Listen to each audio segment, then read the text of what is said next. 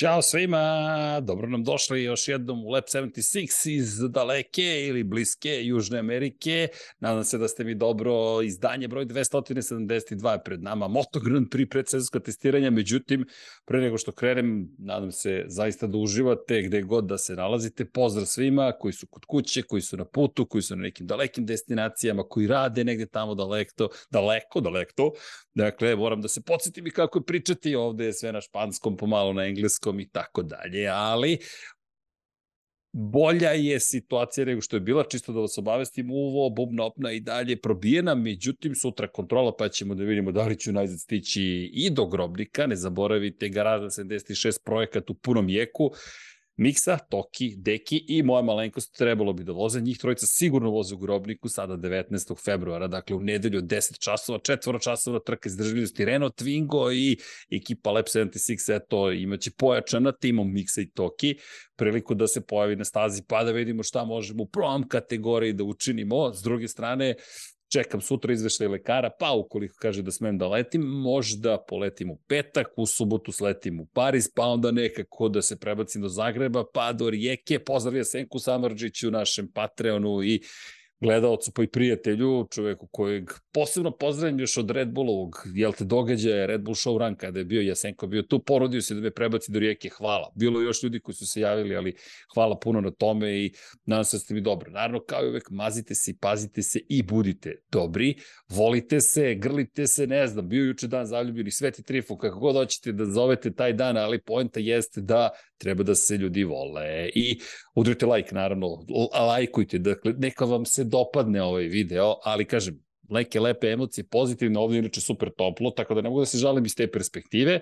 Vanja i ja smo namestili sada malo bolje kadar, tu je biblioteka, tako da je zanimljivo. Inače, ne znam, neću pričamo o politici, ali ima tu fotografije Margaret Thatcher, nekadašnje premijerke Velike Britanije, posetila je ovaj hotel Isla Seka, dakle suvo ostrvo, malo sam i naučio španskog, ali danas ćemo pričati o nekim drugim špancima, o momcima koji će se takmičiti u svetskom šampionatu u motociklizmu. Možda nam se baš iz Španije prizdruži Zvezdica, Jelena Trajković, gospodin, jel te, Dejan Potkonjak je u teškim pripremama, ozbiljnim pripremama, tako da ga večeras nema sa nama, a ukoliko ne uspe Zvezdica, pa nadam se da ćete biti u četu, da ćemo zajedno da prođemo, ne bi bio prvi, jel te, Lab 76 u kojem sam sam u studiju, mada ovo je neki izmešteni studio, tako da kako god pogledati dalje studio, pa se nadam da ćemo se lepo zabaviti.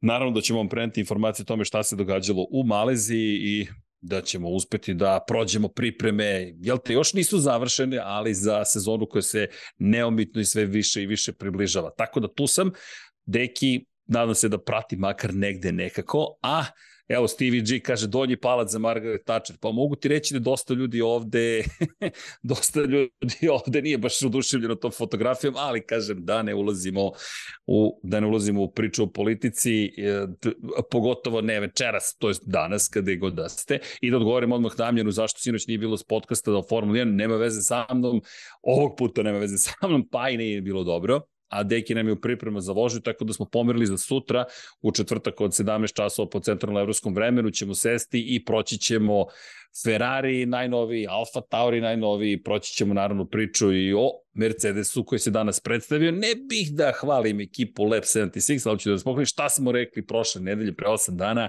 Prognoza je bila da je predosećaj da će Mercedes biti ponovo potpuno crn i jeste. Tako da, bez brige, ekipa Lab 76 je spremna, sad samo, evo, važi sportski pozdrav Damjan kaže, hvala Damjane, pozdrav za sve. E, udrite ljudi like, kogod da je prisutan, udrite malo lajkove, ajmo da podržite sve ovo što radimo, ali vi inače nas podržavate, tako da hvala svakako, ali da poguramo malo algoritam, da se to prikaže i tako dalje.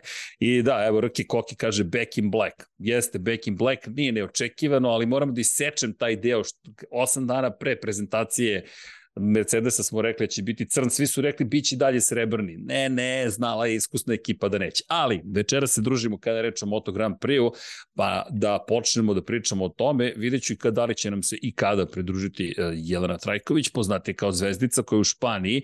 Može da se desi da ćemo biti i 22. marta u Madridu, tada je prezentacija Repsol Honda, ali to još nije potvrđeno, tako da vidjet ćemo. Mada bih volio zaista da prisustujemo i tome, pogotovo što, jel te, ozbiljno se pripremaju i Mark Marquez i naravno novo pridošli John Mir pa i Alex Rins, ali da mi ne pobegne priča. Elem, još jednom, budite dobri, mazite se, pazite se, pa da krenemo. Šta smo mi to imali prethodnog vikenda, to jest tri dana, trodnevno testiranje u Maleziji. Nažalost, dosta padavina, kiše, nismo imali mogućnost na sport klubu da prenosimo, niko nije imao mogućnost, mada niko je čudno, ja, ja sam pitao, rekli su mi da će biti ekskluzivno motograndprix.com, ali se ispostavilo da bilo na još nekim televizijama, sad pitaću ponovo Dornu kako, zašto, kome, koliko, je li to pitanje novca bilo ili nečeg drugog, kako god, nismo imali priliku da jel te prenosimo uživo, ali smo zato pažljivo pratili. Pa sad ne znam da li ste uspeli da ispratite, no tu je vaša ekipa Lab 76 da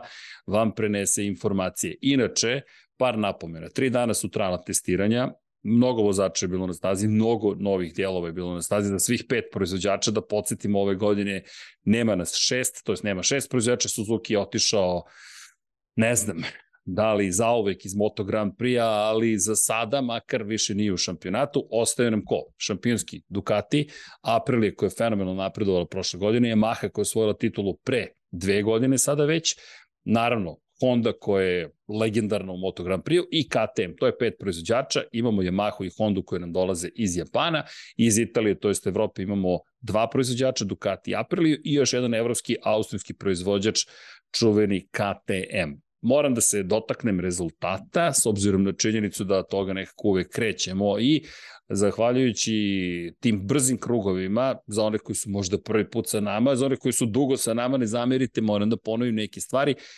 Rezultati više govore u prilog tome koliko su zapravo bili brzi u pojedinačnom kvalifikacijnom krugu. Ove godine ćemo imati drugačiju sezonu. Prvi put se uvode sprint trke, I sprint trke će se voziti subotom od 15 časova po lokalnom vremenu. Uglavnom vozimo u Evropi, tako da je to centralna evropska vremenska zona, a u nedelju od 14.00 ide takozvana Grand Prix trka. Polovina, da kažemo, dužine Grand Prix trke će biti trajanje sprint trke i kvalifikacije određuju koje se voze u subotu pre podne, dakle i Q1 i Q2, startni poredak i za sprint trku i za Grand Prix trku. Pa samim tim taj brzi jedan krug postaje jedna od kritičnih stavki i nekako, neću reći da nam je fokus bio, deki ja smo se dopisivali, analizirali, posmatrali situaciju, šta se događalo, gledali smo te brze krugove. Međutim, kada pogledate, pogotovo dan broj 3, kako su vozili vozači, inače Luka Marini je završen na prvoj poziciji, dakle ovde govorimo o kvalifikacijnim krugovima, Luka Marini na prošlogodišnjem Ducatiju, ajde i tu malo da napravimo uvod u to kakva nam je scena trenutno u Moto Grand Prix. Dakle, Aprilia ove godine ima četiri motocikla. Imaćemo dve verzije za 2023. Fabrički vozači Aleš Espargaro i Maverick Vinales. Aleš koji je bio četvrti prošle godine u šampionatu, najveći uspeh u njegovoj karijeri uz pobedu u Argentini. S druge strane imamo Ducati koji nije baš tako dao svima Ducati GP23. Ove godine malo drugačija situacija, dakle kada govorimo o timovima koji imaju priliku da koriste GP23, ne govorimo baš o tome da imaju VR46 ekipi. VR46 ekipa koja u svojoj vredu ima Marka Beceki i Luko Marini koristi GP22 S jedne strane, kao što smo videli prošle godine, pričat ćemo još o tome, to bi moglo da bude prednost. S druge strane, svakako kako godina bude odmicala, verujem da će to biti uslovno rečeno problem. E sad, ko ima još 23-ku? Oba vozača pramak ekipe. Dakle, fabrički tim, da ne zaboravimo šampion Francesco Banjaja i Enea Bastianini na fabričkoj GP23-ci. Joan Zarko, Jorge Martin takođe u pramakoj, pramak ekipi imaju 23 i imamo s druge strane Gresinijevce koji imaju dve GP22, dakle šampionske motocikle i novo pridošli Alex Marquez i čovjek koji ostao u ekipi Fabio Di Gian Antonio, Luka Marini, Marko Beceki GP22 i kada posmatramo jel te broj motocikla, 8 Ducatija na stazi, 4 Aprilije, već rekoh, i naravno imamo četiri KTM-a i četiri Honda, dve Yamahe. E sad, što se tiče Hondi, na početku sezone verovatno će svi imati najnovije izdanje Honda, pa će se tu malo menjati stvari u fabričkom timu gde su Mark Marquez i John Mir, dakle dva svetska šampiona, šampion iz 2020. Mir i Marquez koji ima šest titula u Moto Grand Prix, jednu Moto dvojkama, jednu 125-icama, će imati najnovije izdanja. U Lučiće Kindle Racingu, Takaki Nakagami, Alex Rins, vidjet ćemo. Alex Rins već lobira za to da mu ne budu uskraćeni update. E, čekajte, da bacim pogled i na chat kada ste već tu, da vidim kako ima, šta se sve zbiva. Miloš Bogdanović pita šta je bilo sa F1 podcastom. Sutra F1 podcast, da ponovim, pa i nešto nije bio, nije mu bilo dobro, da, da vas ne lažemo, tako da, da znate. A Da, e, inače, e, El Mesija kaže, vratno će biti kvalifikacije za utrku u subotu u petak, da li će pored u subotu? Ne, ne, dobili smo raspored kada je reč o, o tome kako će izgledati Moto Grand Prix raspored za, za predstavljuću sezonu. Dakle, kada govorimo o, o, o rasporedu, zna se, imaćemo zapravo vožnju u prepodnevnim časovima treninga broj 3 koji će trajati pola sata, to je neka zamena za trening broj 4 i onda idemo u Q1, Q2 prepodne, a u 3 popodne se vozi sprint trka u subotu. U petak će se voziti dva treninga, drugi će biti duži, dakle drugi će biti taj koji će ponuditi više mogućnosti da se, hajde da kažemo, podese motocikli, što za kvalifikacije, što za sprint trku, što za za, za Grand Prix trku, ali iz, makar poslednja vest jeste bilo da će biti u subotu. Naravno, možda sam nešto propustio, ne zamerite, već neko vreme sam na putu odsutan od kuće, pa sam možda nešto propustio, ali s druge strane može da se desi da će promeniti stvari posle Portimao. Portimao prva trka 26. marta. Inače, kako komentarišem da Honda kaže da nije dobro. Marko, komentarišem pa u skladu sa onim do čega ću doći. Dakle, hajde da krenemo od Ducatija. Dakle, Ducati koji, čekajte, šta je ovo, 59 lajkova, 147 ljudi. Ajmo ljudi, udrite te lajkove malo da, da poguramo stvari. I kada govorimo o, o, o rezultatima, ljudi Ducati izgleda spektakularno po pitanju tog brzog kruga. Dakle, Marini na prvoj poziciji sa starim motociklom, 1.57.889 je vozio. Dakle, govorimo o krugu u Sepangu ispod 1.58. Do pre par godina smo jurili uopšte da dođemo do toga da budemo ispod dve minute, sada ispod 1.58, onako, lagano otprilike se odveze i bez ikakvih problema.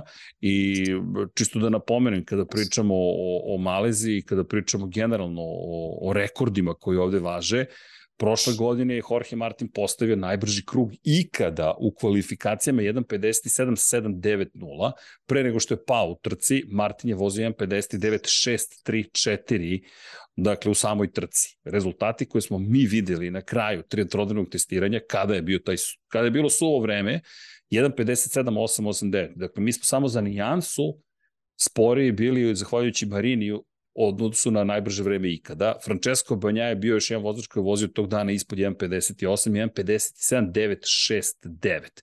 54 kruga za Marinija, 43 za Banjaju. Inače, Maverick Vinales na aprili na poziciji broj 3, 1.58.036. I sad, makar meni šta je zanimljivo u celoj priči, pošto se, jel te, trka u Malezi relativno, relativno skoro desila, dakle na kraju sezone, možemo da pravimo i neka malo ozbiljnija poređenja. To je bila predposlednja trka i čisto da, da, da prođemo kroz kvalifikacije, dakle kada pogledate kvalifikacije u kvalifikacijama, kada govorimo o aprili konkretno, Vinjales 1.58.766 je vozio, inače bio je osmi u tim kvalifikacijama, 1.58.7, sada 1.58.036. E da, informacije iz kampa Ducatija, to je bitno, Davide Tardoci je rekao da je Banjaja nezadovoljan bio jednim aspektom motocikla. Rekao da su da je većinom motocikl na nivou GP22, da je i bolji od 22, ali da postoji jedan aspekt, još nam nije otkrio koji, za koji je rekao da na to kome mora da se poradi. Ono što je za Ducati Nadam se pozitivno, dakle vidjet ćemo, jeste što je Nea Bastianini dao identične povratne informacije. Sad zašto kažem da je to nadam se pozitivno. Ukoliko su u pravu, to je super. Ali ukoliko bojica greše na isti način, što je mala šansa, onda to može biti ozbiljan problem. Elem, ali ono što je pozitivno u cijeloj priči jeste da je Enea Bastianini takođe potvrdio, dakle, brzinu Ducatija, bio je četvrti u tom kvalifikacijnom kuru, 1.58, 1.49 je vozio, dakle svi su bili nadomak te granice.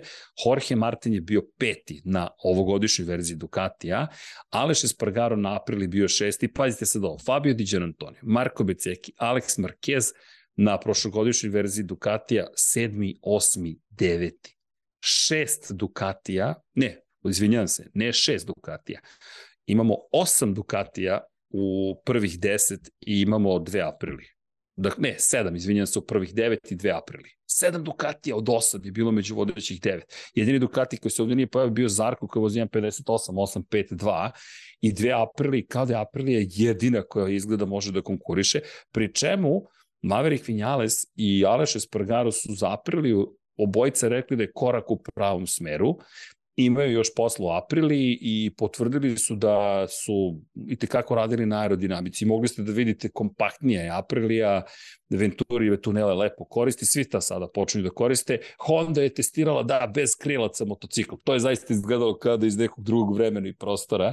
Nažalost, nećemo vidjeti, te kažem, nažalost, malo, malo mi nedostaje taj moment nekako tih čistih motocikala, ali bez obzira na to, sa krilima se vidi koliko se postiže, mnogo su brži i kroz krivine postaju sve brži i brži i iz te perspektive mogu biti ne zadovoljni, nego prezadovoljni, s obzirom na činjenicu da Ducati koji očigledno napreduje konstantno ima najviše vozača konačno, pa i svetskog šampiona i šampioni su u konkurenciji konstruktora, sada ima rivala u vidu Aprili. Dakle, Vinjales na poziciji 3, na šestoj poziciji Aleš Espargaro, uf, to, to nadam se da će biti zabavno. E, čekajte da vidimo da nam se Jelena pridružila ili nije. Jeste, ej, čao Jelena, nisam te video, izvini.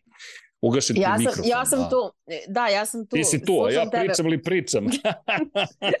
e, imaš Miki, ima Mini Mouse tamo iza sebe, ti si u Španiji. E, to je Miki, Miki je tu, imam, a, čekaj, a, da vidiš šta imam. Izvinjavam se, samo što druga knjiga ovaj, je u drugoj sobi, to jest u drugoj dečoj sobi. Jelena, koja je druga knjiga, izvini?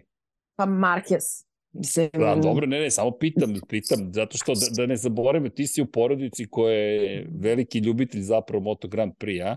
Da, jedno, I... dete, jedno dete navija za Rosija, drugo za Markesa, a treće će navijati za Banjaju.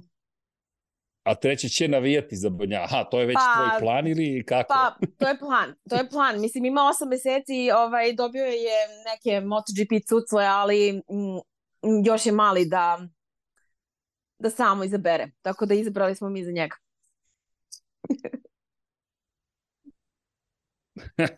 dakle, ni ne sluti šta ga čeka. Dobro, nema veze. Ne, ne. I to, nema veze. Tetka Jelena je to potrudila se odmah da se to stvari jel da. Te, rešavaju na tu stranu. Dobro. A ako ti tako kažeš, jesi uspora da pratiš predsedarsko testiranje? Jesam, ali srđana je prvo da ti pitan kako si.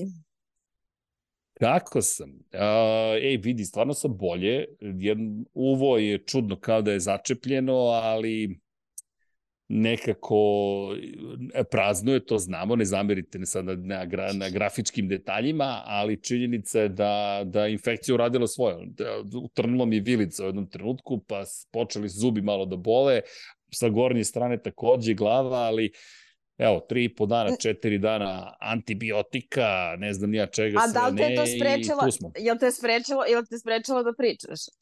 To.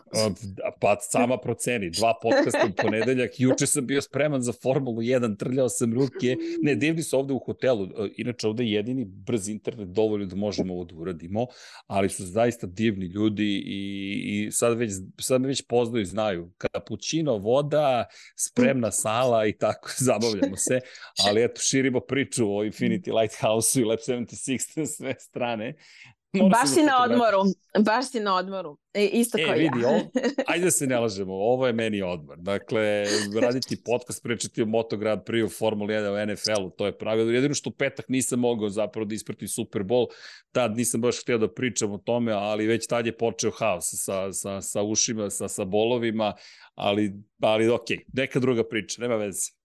Da, ja sam inače rekla da tokom ovog odmora ovaj, ću bataliti spor koliko mogu, ali eto, vidiš, pozvao si me MotoGP. MotoGP je ipak nešto drugo. Pa naravno. E, si uspora da ispratiš e, testiranje? Jesam, e, ne koliko bih želela da, ovaj, da sam mogla da pratim ono svaki dan i da se budem mnogo rano.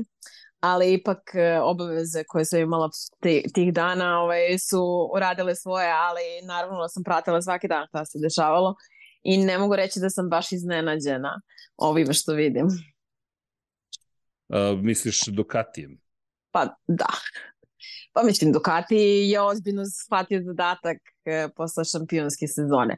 Mislim, dobro, ozbiljno su oni shvatili zadatak i prethodne sezone, e, što su i pokazali na stazi, iako se nije baš e, činilo sve tokom cele sezone da će biti tako, ali e, nisam iznenađena činjenicom da sedam vozača Ducati u prvih deset. Malo su me, mislim nisam ni iznenađena mu, problemima Honda i Yamahe, iako... Da, To ima dosta pitanja. Što nismo iznenađeni, što nisi, niko nije iznenađen izgleda više. To je sad već ozbiljno problem za Honda i za Yamahu.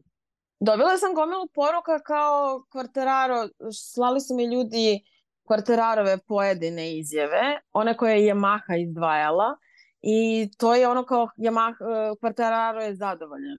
Ja kažem pa da li u briefinzima sa medijima baš je naglašavao koliko nije zadovoljan i koliko problema zapravo ima, jer to što je Yamaha top speed sredila poprilično, e, ne znači da je to jedini problem koji Yamaha ima, pa, baš naprotiv. Ajmo, ajmo dve stvari, dakle kada pogledamo tempo, ajmo prvo da se pozabavimo i nekadašnjim svetskim šampionom gde je uopšte bio Fabio Quartararo na kraju.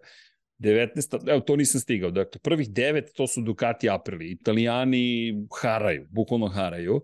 Onda dolazi Mark Marquez na desetoj poziciji, na najnovijoj Honda 1.58.666, Ralf Fernandez 1.58.710 na staroj Aprili, pazi, ponovo je Aprilija tu, onda Honda Joan Mir 1.58.784, što je pozitivno, što je blizu Markeze, dakle meta je da. jasna.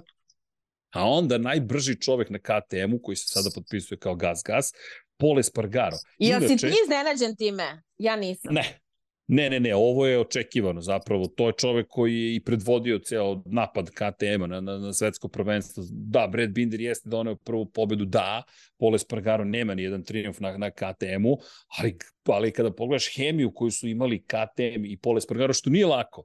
Evo, čuli smo, ne znam da li si usporo da čuješ, Martin je bio u Grinec u poseti pre dva dana i baš je pričao o njegovom iskustvu sa Red Bull KTM-om i koliko je to surovo na neki način. To je cak, gotovo, čao, kraj. Nema, nema daljeg razmišljanja. One filozofije koje vidimo u Red Bull Racingu, u Formuli 1, vidimo sa KTM-om, to je prosto ta škola. Ej, vidi, nisi ispunio metriku koju smo mi očekivali od tebe, šk, gotovo, tu je završeno. Da. A s druge strane, našao je hemiju Pole Spargaro sa tom ekipom i malo je nedostajalo da dođe do pobjede. Bilo je tu par pehova, imao je puno pobjedničkih puno. Imao je dovoljno pobjedničkih postoje da se vidi da je to ozbiljan i motocikl u pitanju da je on ozbiljan, ali je bio brže od Breda Bindera. Mala slatka pobjeda za, za Pola Spargara. Jeste, Znaš, ta pobjeda, ta pobjeda baš fali i mislim da to da je i njemu ostalo posle svega što je uradio i s obzirom na to da je od samog početka u, bio u tom projektu da je po, da ima taj žal što se to nije što se te nije desilo, ali on i te kako dobro poznaje KTM, taj motor koji je evolucija onoga, onoga koji je on vozio i vrlo dobro poznaje ekipu Tech 3.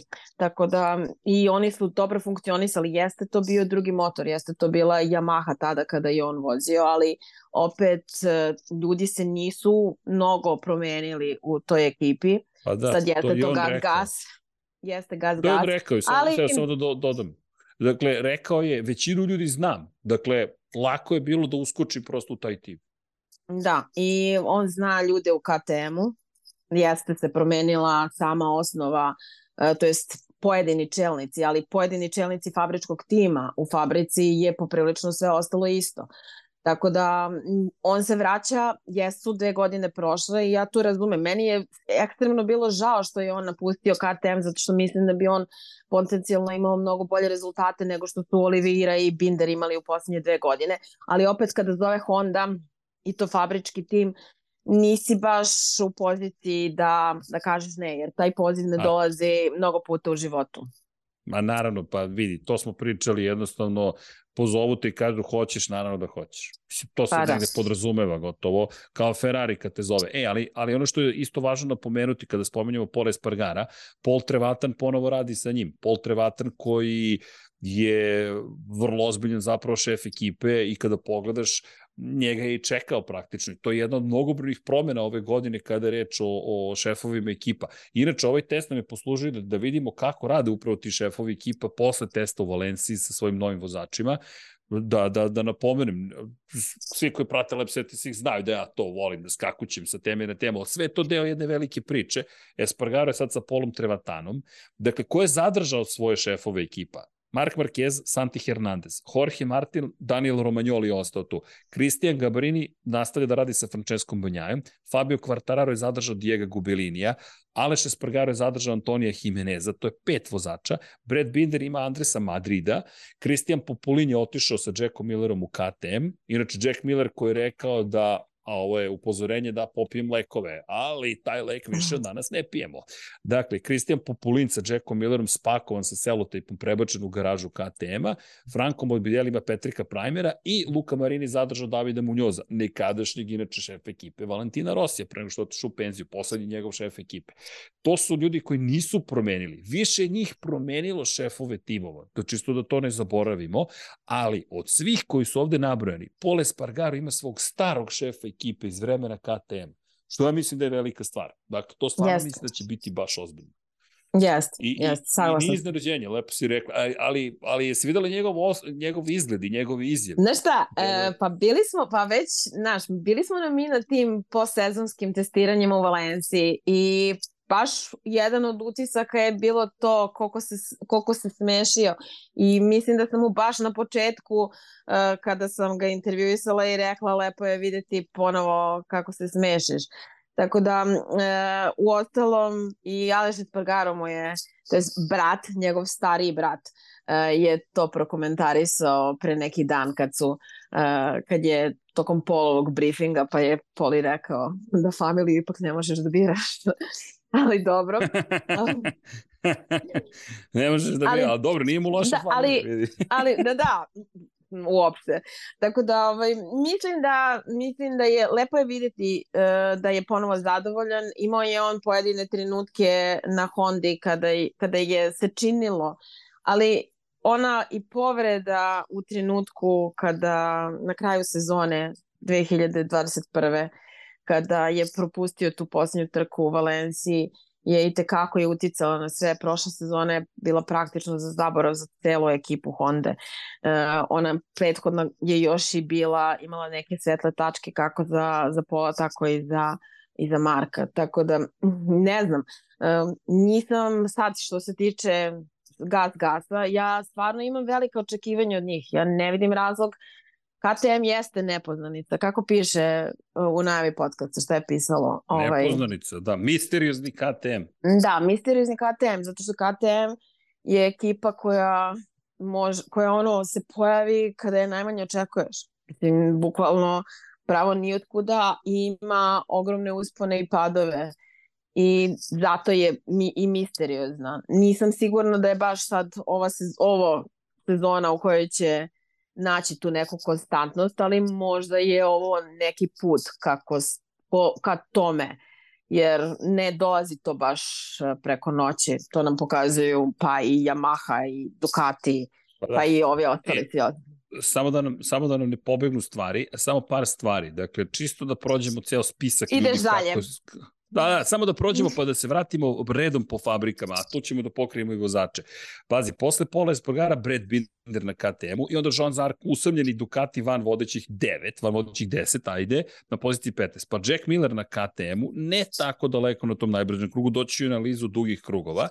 Zatim, Miguel Oliveira na prošlogodišnjoj Aprili, Alex Rins na ovogodišnjoj Hondi, Fabio Quartararo i Franco Morbidelli na Yamahama, bile su tri Yamahe, došao i Cal Crutchlow da testira, ali Quartararo 19. Morbidelli 20. sve sa novim motorom, Neverovatno. Dakle, neverovatno. I onda Takaki na Kagami na Hondi, Lučić Kino Racinga, Augusto Fernandez koji je vozio prošlogodišnji KTM, pričat ćemo i o tome, Karl Kračo koji je testirao za Yamahu i Štefan Bradlo koji je testirao za Hondu. Poslednjih dana kad su Yuki Nakasuga, koji inače takođe bio zajedno sa ostalim vozačima Yamahe, to je probni vozač Yamahe, je bio tu. Zaista mnogo krugova. Taj treći dan je, je bio prilično, rekao bih, važan, ajde, blago rečeno važan, ali ono što mene zanima jeste kada pogledaš analizu krugova i drugog dana i trećeg dana. Samo da napomenem, pogotovo drugi dan bio je prekinut padavinama da. i kada pogledaš krugove tog drugog dana, Miguel Levira je imao 52 kruga, on je uživao po kiši, pobednik dve trke prošle godine po kiši, e on se navozao ponovo i bio je na poziciji 2 kada pogledaš taj dan, inače bio je na dvojici po suvom, dakle ima tu potencijala, ali, ali, ali, da mi opet ne pobegnu stvari. Ja bih krenuo od Ducatije, iskreno, to sam i rekao, nekako šampionski tim, Ducati koji je imao baš pune ruke posla i Ducati koji je zapravo ove godine drugačije pristupio priprema. Za dve prethodnu sezonu oni su čak i na prvoj trci nastavili da testiraju stvari i da ubacuju novitete u garažu budućeg svetskog šampiona i mi smo videli greške na početku sezone. Njegove ekipe, nesigurnost nekako, 20, GP21 je izgledao bolje nego GP22. Sada je drugačija situacija. Dakle, bukvalno su imali situaciju u kojoj su sebi dozvolili luksus da praktično zanemare trku Kataru. Sada, kao što možemo videti, fokusirani su bukvalno na, na fabrički tim i ono što im je cilj, makar prema onome što smo mogli da čujemo u, u Maleziji, jeste da za prvu trku budu spremni. Ne da budu spremni za treću, petu, sedmu, desetu, ne. Nego, bukvalno da budu spremni za za Portimao. E sad, Portimao je mesto gde ćemo otvoriti sezonu, ali će biti predsezonskih testiranja. Kako tebi izgleda sada Ducati iz te perspektive? Ajde, ja smo imali pa i zadovoljstvo da budemo na di Campello. Meni je to baš bitan bio moment na stranu zadovoljstvu lično što si tu, pa se motaš sa svima, svim ljudima, pa pričaš sa njima, saznaješ više, nego iz perspektive ozbiljnosti kako su pristupili sezoni. Meni oni deluju kao da je cilj još jasniji nego prošle godine. Osvojiti Absolutno. svet ponovo. Apsolutno. Ja, mi, prošle godine Prošla sezona je bila zaista neverovatna u smislu da je Peko na, na polovini trka imao toliki zaostatak da je malo ko mogao da uopšte da pretpostavi da on ima uopšte šansu da se nekako vrati, a ne da napravi preokret kakav se redko viđa stvarno u svetu sporta. Posebno se ne viđa u svetu automoto sporta da neko izvede. Mislim, ja uvek se setim onih sezona kada u Formuli 1, kada Ferrari dominira do letnje pauze, napravi neku razliku, onda se pojavi Lewis Hamilton tamo od Spa i Monce i, i reši sezonu u svoj korist. Ali to, tih sezona je bilo zaista malo. Ali ovo što je 91 bod u trenutku kada ima 10 trka do kraja i kada baš ne deluje da uopšte može nekako da parira Kvartararu. Mislim, Kvartararu mu jeste, Kvartararu i Yamaha mu jesu olakšali posao, ali opet e, Peko je svoj posao odradio, Ducati je svoj posao odradio onako kako treba i gledali su svoje posla. I moj utisak je po ovome sada što gledam je da Ducati ne planira da bilo šta prepusti slučaju kada kada sezona počne. Pazi sada, pazi sada ovo. Dakle, izjava iz uh, Gresinija, Fabio Di Antonija, koji je inače potpuno oduševljen što je počeo da radi sa, sa Karčedijem. Karčedi koji je prošle godine zapravo bio u Suzukiju, čovek koji je jedan od tih Suzuki, ja mislim da je učinio ceo šampionat boljim na jedan čudan način. Sve svoje vrhunske stručnjake razdelio po ekipama. Pa ne, ozbiljno. Pa Ken Kavauć je tehnički menadžer Honda, Repsol Honda, Karčedi je otišao čovek u, u, u, u, u redove Gresinija, pazi izjavu koju je dao Davidu Emetu za moto e, Metres Fabio Di Antonio. Kaže, za četiri dana sam naučio više od njega nego tokom cele prethodne sezone. Čo, čovek pa je fenomenal. Enciklopedija, enciklopedija. Um, pa, yes. naš, mislim, glede na generalno Ducati, mislim, meni je stvarno, evo, Luka Marini je na kraju bio taj koji je najbrži. Mene ne iznenađuje da je Luka Marini toliko napredovo i da ja stvarno očekujem velike stvari tokom, tokom ove sezone. Znači da bude praktično, ne mogu da kažem da očekujem titulu od njega, jer nisam još sigurna kako će sve da izgleda sa ove 42 trke, ali e, očekujemo od njega da bude ono što je Bastianini bio prošle sezone. Što da ne. Zato što mislim okay. da je dovoljno Mislim da je dovoljno sazreo i da e, dovoljno je pametan, dovoljno je spreman i tehnički potkovan da može te nedostatke koje da kažem nedostatke, s obzirom na to da ne vozi za fabrički tim, e, da nadoknadi time što jednostavno Mislim, u ovom trenutku ne mislim da postoji tehnički potkovani vozač od njega. Mislim, o, po pitanju znanja, po pitanju toga kako uči. Mislim, stvarno ne mogu da, da brojim Marka Markesa u, ovaj, u, u tu grupu. Dobro. Ipak je čekaj, on čekaj, osmostruki svetski šampion. Pričamo o Aleksu sada pričamo ili o Fabio Di Gianantoniju? Ne, ja sam rekla za Marini, a pošto smo počeli Marini, da pričamo... Za Marini, a izvini, nisam to čuo, ne, ja sam sad, sad pokušavam da spojim priču u glavi.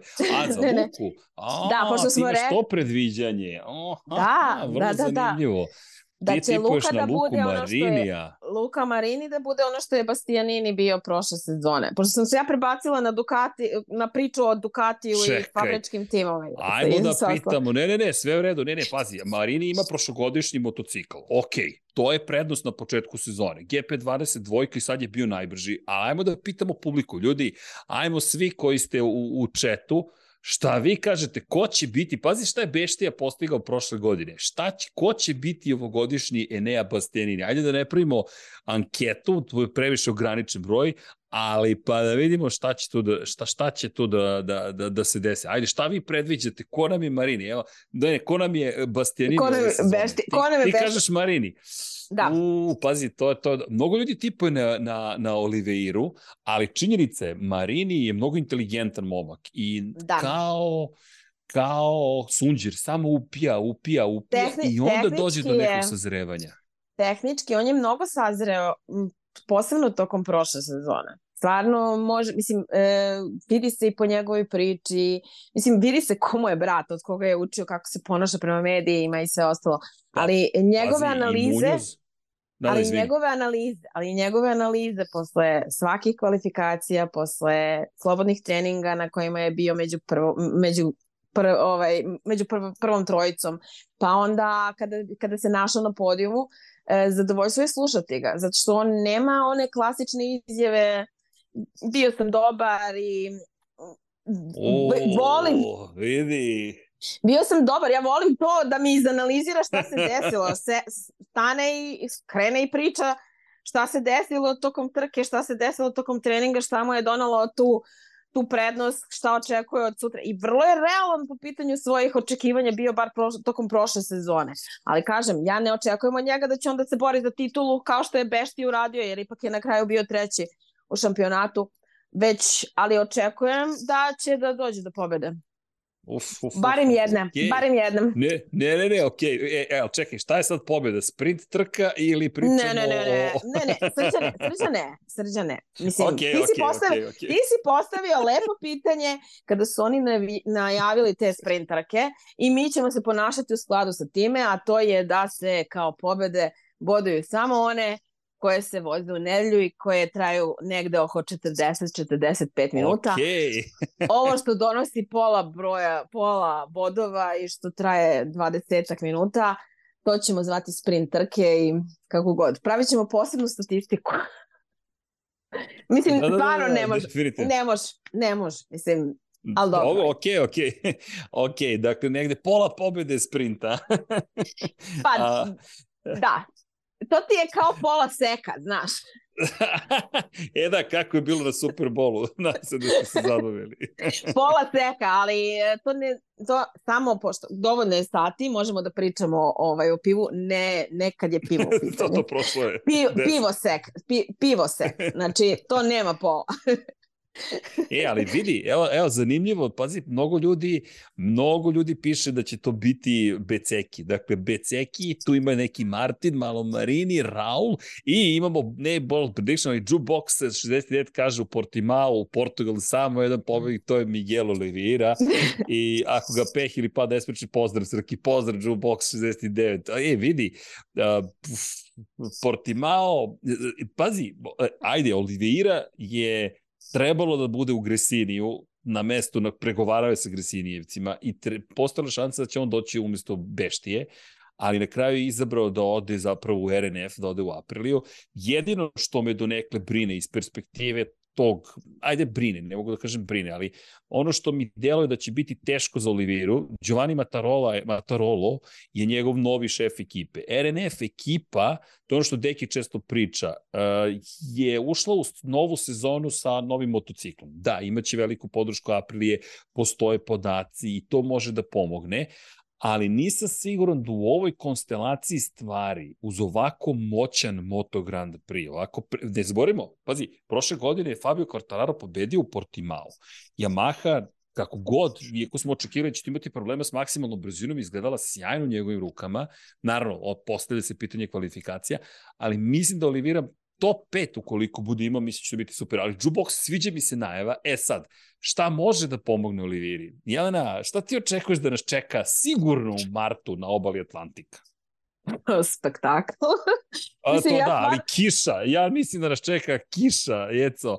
A ko je vozio pe, 52 kruga na dan kad je padala kiša i na aprili bio baš dobar po kiši? Miguel Oliveira. Tako da, pa, ako ubacimo kišu, ko zna. Pa, ko zna stvarno. Mislim, um, Portimao se nije vozio u to, to vreme uh, nikada do sada, ako se ja dobro sećam. Mislim, kada smo imali prethodne, mislim, Portimao je ušao ovaj, u kalendar pre, pre dve, godine. Ali čudan, čudan je period, čudni su vetrovi, što bi ti nekad rekao. Da, da, da, da, da, da. Čudni su vetrovi, blizu je Atlantik. Tako da da, e, očekujem promenljive vremenske uslove. Mislim, to je ipak kraj marta i ne očekujem ništa slično onome kako smo otvaranje sezone o, imali prethodne godine. Si pokrenula temu ovu tešku. E, da, inače da odgovorim Filipu Savićeviću, kaže, imam pitanje s temu učevi cijele sezone, zašto ne voliš Peka i umanjuješ njegov uspeh jako često? Ko ne voli Ja ne znam da li postoji, pa evo kaže čovjek da ne voli Peka, ali, pa, Eto, Dobro. Jelenin osmeh to odgovori. Apsolutno obožavam čoveka, još od kada je Mahindri doneo prvu pobedu u njenoj istoriji i sa Pekom sam imao jedan od prvih intervjua ikada. Dakle, kada ga niko nije tražio, verujte, Jelen i ja smo bili tamo i dok je još u Moto trojkama bio pričali sa dečkom. Inače, njegov najbolji prijatelj je tada rekao, ovo je budući šampion i mi smo rekli, mi verujemo da jeste, samo da imamo kada.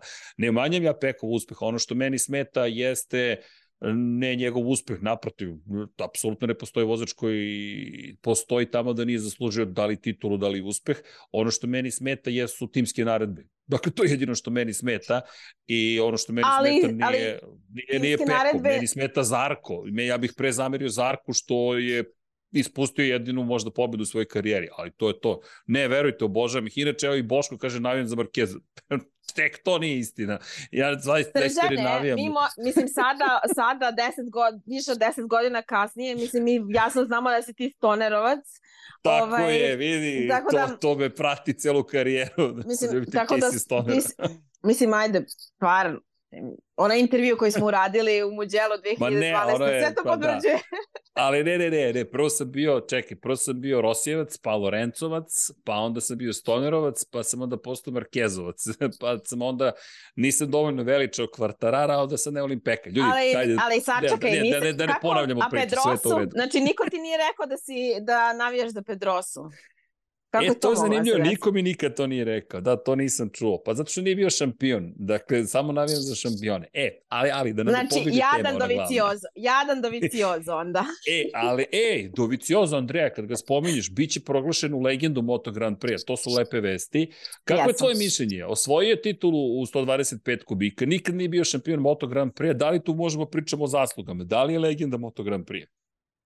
Uh, jest. Mislim, s obzirom, moje generalno mišljenje kada su oni krenuli uveli te legende, ja sam stvarno mislila da će tu biti uvedeni samo vozači koji su osvojili titulu u kraljevske kategoriji, pošto samo ime govori MotoGP legende.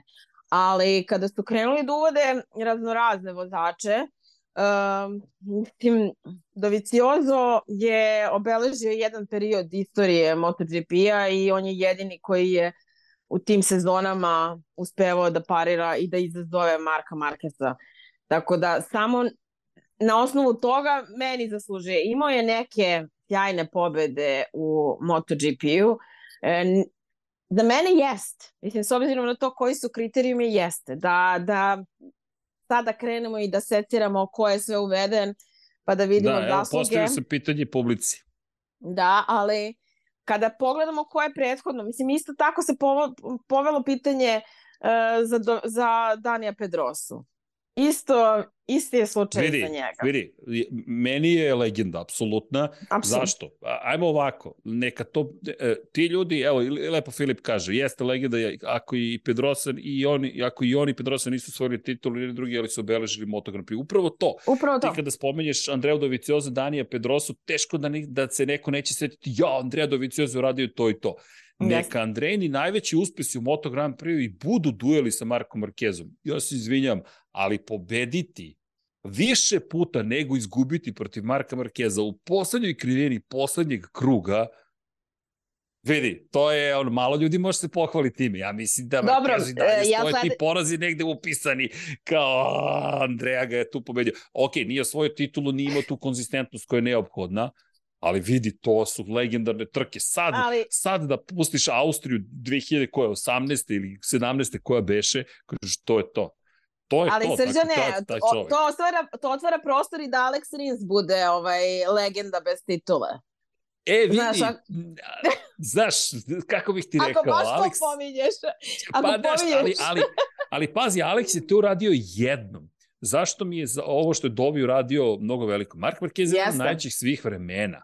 I ti si sa njim imao ne jedan duel pa da kažeš ok, to je bio takav dan, raspoloženje, situacija. Ne, ti si imao Japan dva puta, Austriju dva puta, imao si Tajland, ima, ne, to je sa Kvartararom bilo, imao si, gde su još imali taj poslednji krug, uh, čekaj, gde beše, ono, ili je čak Austrija bila tri puta, dakle mi govorimo o, ne, Katar, Katar dva ili tri puta su imali. I ti si svaki put uspevao da, da, da to... Da, Jeste, to, to što, se toga tiče, što se toga tiče, apsolutno da. Mislim, tako da ja sam i prisrasna što se tiče Dovicioza On kaže da je poprilično iznenađen što će biti e, MotoGP legenda, možda je jedina osoba Ma, koja je iznenađena. Vidi, ali evo kaže Luka Bjelić, Pedrose, vanzemaljac Dovi nije. Moramo dovedemo u, u kuću slavnih sledeću stvar. Ko su vanzemaljci u kući slavni? srđane, srđane, srđane. Infinity, da. Lighthouse, Infinity Lighthouse Hall of Tako Fame. Tako da, je. Hall of Fame svaki godin uvodimo po jednog u Hall of pa, Fame. Po, slušaj, ali, to, to. ali, ali mora da bude princip kao NFL, znaš, da prođe nekoliko to, to, to, sezona, da se ne predomituje. Pet godina, znaš, kao Gron... pet godina. Pa to, kao Gronkovski koji će malo duže da čeka taj ulaz u Hall of Fame. To je to. Jesi zadovoljna rezultatom Superbola? Ajde kratko ti pitam. Uh, nisam, nisam. Nisi rezultatom ili kako se sve završilo? Pa, malo sam očekivala zanimljiviji kraj. A, da, šteta. Malo ali, više okay, uzbuđenja. Ona je, ona je bilo 50-50 stvarno... što kažu. Da, mogli su ne, da ne, sude, nego... mogli su da ne sude. Ne, ali, ne mislim okay. to. Ne, ne mislim uopšte na to. Uh, mislim na činjenicu da ovaj, je bila fantastična utakmica do samog kraja i rešena je onako malo blago. Uh, očekivala sam malo više uzbuđenja. Mislim, samo da, to. Dobro, vidi, izgubili 10 pojena prednosti Eaglesi, šta da radiš. E, ali Ko, vidi, da ne zaboravim još jednu stvar. Tako je, ej, uh, nije samo Andrej Doviciozo, Hans Gerig Anscheid će takođe biti e, imenovan u legendu, tako da, da ne zaboravimo, nemački vozač i u Sachsenringu će njega uvesti u kuću slavnih, a koliko znamo, u Muđelu će biti uvedeno u kuću slavnih Andreja Doviciozo. Tako da, eto, čisto da ne zaboravimo. A kada govorimo o, o Einstadtu, on je rođen 1935. i jedan je najuspešnijih vozača bio u kategoriji 50 kubika. Tako da, momak, čovek koji momak, čovjek, ta, ta, u to vreme bio je neko koji je zaista imao jednu impresivnu karijeru i lepo je što ga se sećaju. Za Krajder je vozio inače, i debitove 62. u šampionatu sveta, pobedio odmah u prvoj trci sezone i to na Monđuiku, dakle odmah je krenulo na lepim mestima i iz te perspektive bio je vice šampion, ponovio je to i 1963. imao još tri pobede kasnije, treću poziciju u šampionatu 64 posle se prebacio Suzuki i tako dalje i tako dalje, ali prosto da ne zaboravimo i te ljude koji su negde bili pre našeg vremena, koji nismo imali prilike da gledamo, lepo je što ih se sećaju, a da li, da li su legende? Pa ja verujem da jesu legende, rekao i Anšajt rekao da za njega čast, da on nije to očekivao, s obzirom na činjenicu da je kategorija od 50 kubika nestala praktično iz šampionata i da je vrlo srećan što će mu zapravo biti ukazana ta čast. Tako da, lepo je što su se setili i rekao, nisam dugo bio ni u padoku, nisam ulazio u šampionat sveta, gledam na televiziji, to je to otprilike. Tako da to će biti lepo. Ej, mi ćemo biti u Nemačkoj, je li tako? Jelena, jesi li tu? Da li sam ja uopšte tu? Čekaj da vidim. A, jesam, ja sam tu, nego mi se internet mi je malo ovaj... Uh, malo je ifi. Da. Čekaj, da, meni je bolje ali... ovde u Čileu. Živela iz hotel Isla Seka da, živela. Uh, prekinulo ti se malo, pom, pono, uh, pomenuo si Monžuik, tako da ovaj, obići ću malo stazu sad ovih dana, ovaj, kad budem išla do Barcelone, pa ću da snimim nešto za društvene to, to, mreže. E, hoćemo u Madrid 22. na Repsol Hondu, da se organizujemo nekako. Pa ne znam baš. Mislim, e, iskreno da ti kažem. Ne, ne, razmišljala sam, ali kad su mi rekli da, ovaj, da nema intervjua sa vozačima, to jest da, da možemo kao da postavimo neko pitanje na konferenciji za štampu i to je to, mislim... To, to je onda photo opportunity, to nije to. Pa, to, to pa, nije stvarno to. Tako da, ali no, nema veze, bit će prilike, okay. mislim. Ali evo ti Idemo razlika, u Portugal. Ali, ali, ali čekaj, čekaj, evo da se vratimo i, i, na, i na Maleziju. Evo ti sad razlika, ajmo možemo, a, ispoštovat ćemo naravno i apriliju, ali mislim da moramo da pričamo o Hondi. Honda je jedan od najćih proizvođača svih vremena. Ja bih išao Ducati, ajmo, Honda Yamaha, da biramo kojim ćemo putem. Ali evo ti Hondin pristup ovoj sezoni. Tebi treba medijska eksponiranost sada, Ducati je napravio touchdown sa, sa medijskim na, pristupom, pozvao nas i sve na Damodonu di Campillo, neću to nazvati korupcijom, ali realno to je jedan lep način da dobiješ medijsku pažnju. I sad, ti organizuješ prezentaciju u Madridu, imaš novinare koji su spremni da dođu i ti im kažeš super, ali ne možete pričati sa vozačima. Mislim, to, to se tako ne radi. To se tako ne radi. Bukvalo, isto kao što se ne radi. radi. Isto kao što se ne radi kao Yamaha koja je napravila prezentaciju usred noći po srednjeevropskom vremenu. Ja, ka, ja razumem, i razumem publiku to, to, to. i želju to. Ali e, isto tako ta razlika, ta vremenska razlika ne morate da napravite prezentaciju u 11 sati po lokalnom vremenu, nego napravite tako da ljudi koji su koji u veći, većim brojem su, znači mediji koji prate MotoGP uglavnom su iz Evrope. A vi nas terate je. da se probudimo, mi, vi terate nas da se probudimo u 4 sata ujutru da bismo Ma, ispratili prezentaciju. Ajde što ćemo da ustanemo u 4 ujutru. Ćemo. Nije, ti ja ćemo da ustanemo, nije sporno, ali ti želiš sada medijsku eksponiranost, ti želiš da se neke stvari dešavaju na način na koji promovišeš i svog šampiona budućeg, prošlog, kako god. Dakle, ti želiš da budeš šta, ja razumem i, i tržište Indonezije. Sve okej, okay, ali čekaj, ti treba da se da poradiš na tome da budeš mnogo prisutniji. Ducati ima osam motocikala, Ducati je uzao Moto E kategoriju, Ducati je organizovao tri dana druženja sa medijima, Vi ste rekli, je, ok, baš nas briga za sve to. Kako očekujete da mi prenesemo informacije dalje, ako mi ne možemo pričati s Markom Markezom i Joanom Mirom? Inače, apropo, apropo cele priče, mnogo pitanja na konto Honda. Mark Marquez je rekao, s ovim motociklom ja ne mogu da osvojim titulu to je čovjek koji nije baš često izjavljivao takve stvari. A i zabranj, zabrinjavajuće je i broj krugova koje on odvozao, ako sam ja dobro ispratila, da je to ne, neverovatno malo bilo, barem poslednjeg dana, da li nekih četrdesetak? Pa evo, Marquez je vozio 55 krugova. Pazi, nije bilo toliko malo. A, ne, a, u poslednjih dana 17 krugova, izvini, u pravu si. Poslednjih dana 17 Nešto, krugova. Baš je ne, malo nije, vremena... 55, 55, moja greška. Ipak je malo je vremena proveo na stazi i nije bio zadovoljan uopšte. Mislim, ja razumem, ali on se vratio posle takve povrede kako je imao i jasno je bili smo tu, pričali smo, je? naglašavali smo, od leta smo naglašavali činjenicu da je on došao u Austriju, da se pojavio, da, da izvrši pritisak na ekipu, da izvrši pritisak na fabriku, da pokaže da je tu, Znaš... da hoće šta je, izvini, meni bilo simptomatično tokom ovog, ovog da kažeš, tre. A, kada pogledaš, on je imao ono što mi je, ajde kažem, uslovno rečeno, neću kažem čudno, ali ajde kažem specifično u celoj priči. Izađe na stazu, četiri kruga vozi, vrati se u garažu. Izađe na stazu, četiri kruga vozi, vrati se u garažu. I rekao je da je za njega ovo bilo važno iz perspektive Kena Kavuće. Rekao je vrlo eksplicitno, ja sam uradio sve što mi je rečeno da uradim. Dakle, podredio se novom tehničkom menadžeru, čoveku koji je doveden iz Suzuki-a i rekao, ajmo da, da vidimo gde nas vodi ovaj put. Ono što međutim nedostaje u celoj priči, meni dalje deluje, pazi sad, Ken Kavući tek stigao, ovo nije njegov motocikl on može da utiče tek na sledeću godinu ozbiljnije. Inače, da podsjetimo, test u Portimao će biti najkritičniji s obzirom na činjenicu da do Portima mogu da rade još neke stvari. Na motoru konkretno većina je izabrala motore. U Yamahi konkretno i Fabio Quartararo i Franco Morbidelli su izabrali isti motor. Dakle, Yamaha je testirala dva različita motora sa unutrašnjim sagorenjem i rekli su i jedan i drugi su dali najpozitivnije komentare na jedan motor. To je rešeno. To ćemo i na Yamahu. Međutim, kada je reč o Hondi, Mark Marquez je uh, rekao da je najbolja stvar koja se desila tokom ovih testiranja, što je praktično njegova ruka blizu nivoa pre incidenta u Herezu 2020. I da je mogao da bude agresivan kada želi i da ne bude agresivan kada želi. I rekao, pazi sad ovo ironiju, zadovoljni sam svojim fizičkom pripremljenošću više nego motociklom to je, to je simptomatično i to je problematično s obzirom na to koliko je vremena prošlo od kada se on poslednji put e, osjećao onako kako treba, a to su tri godine.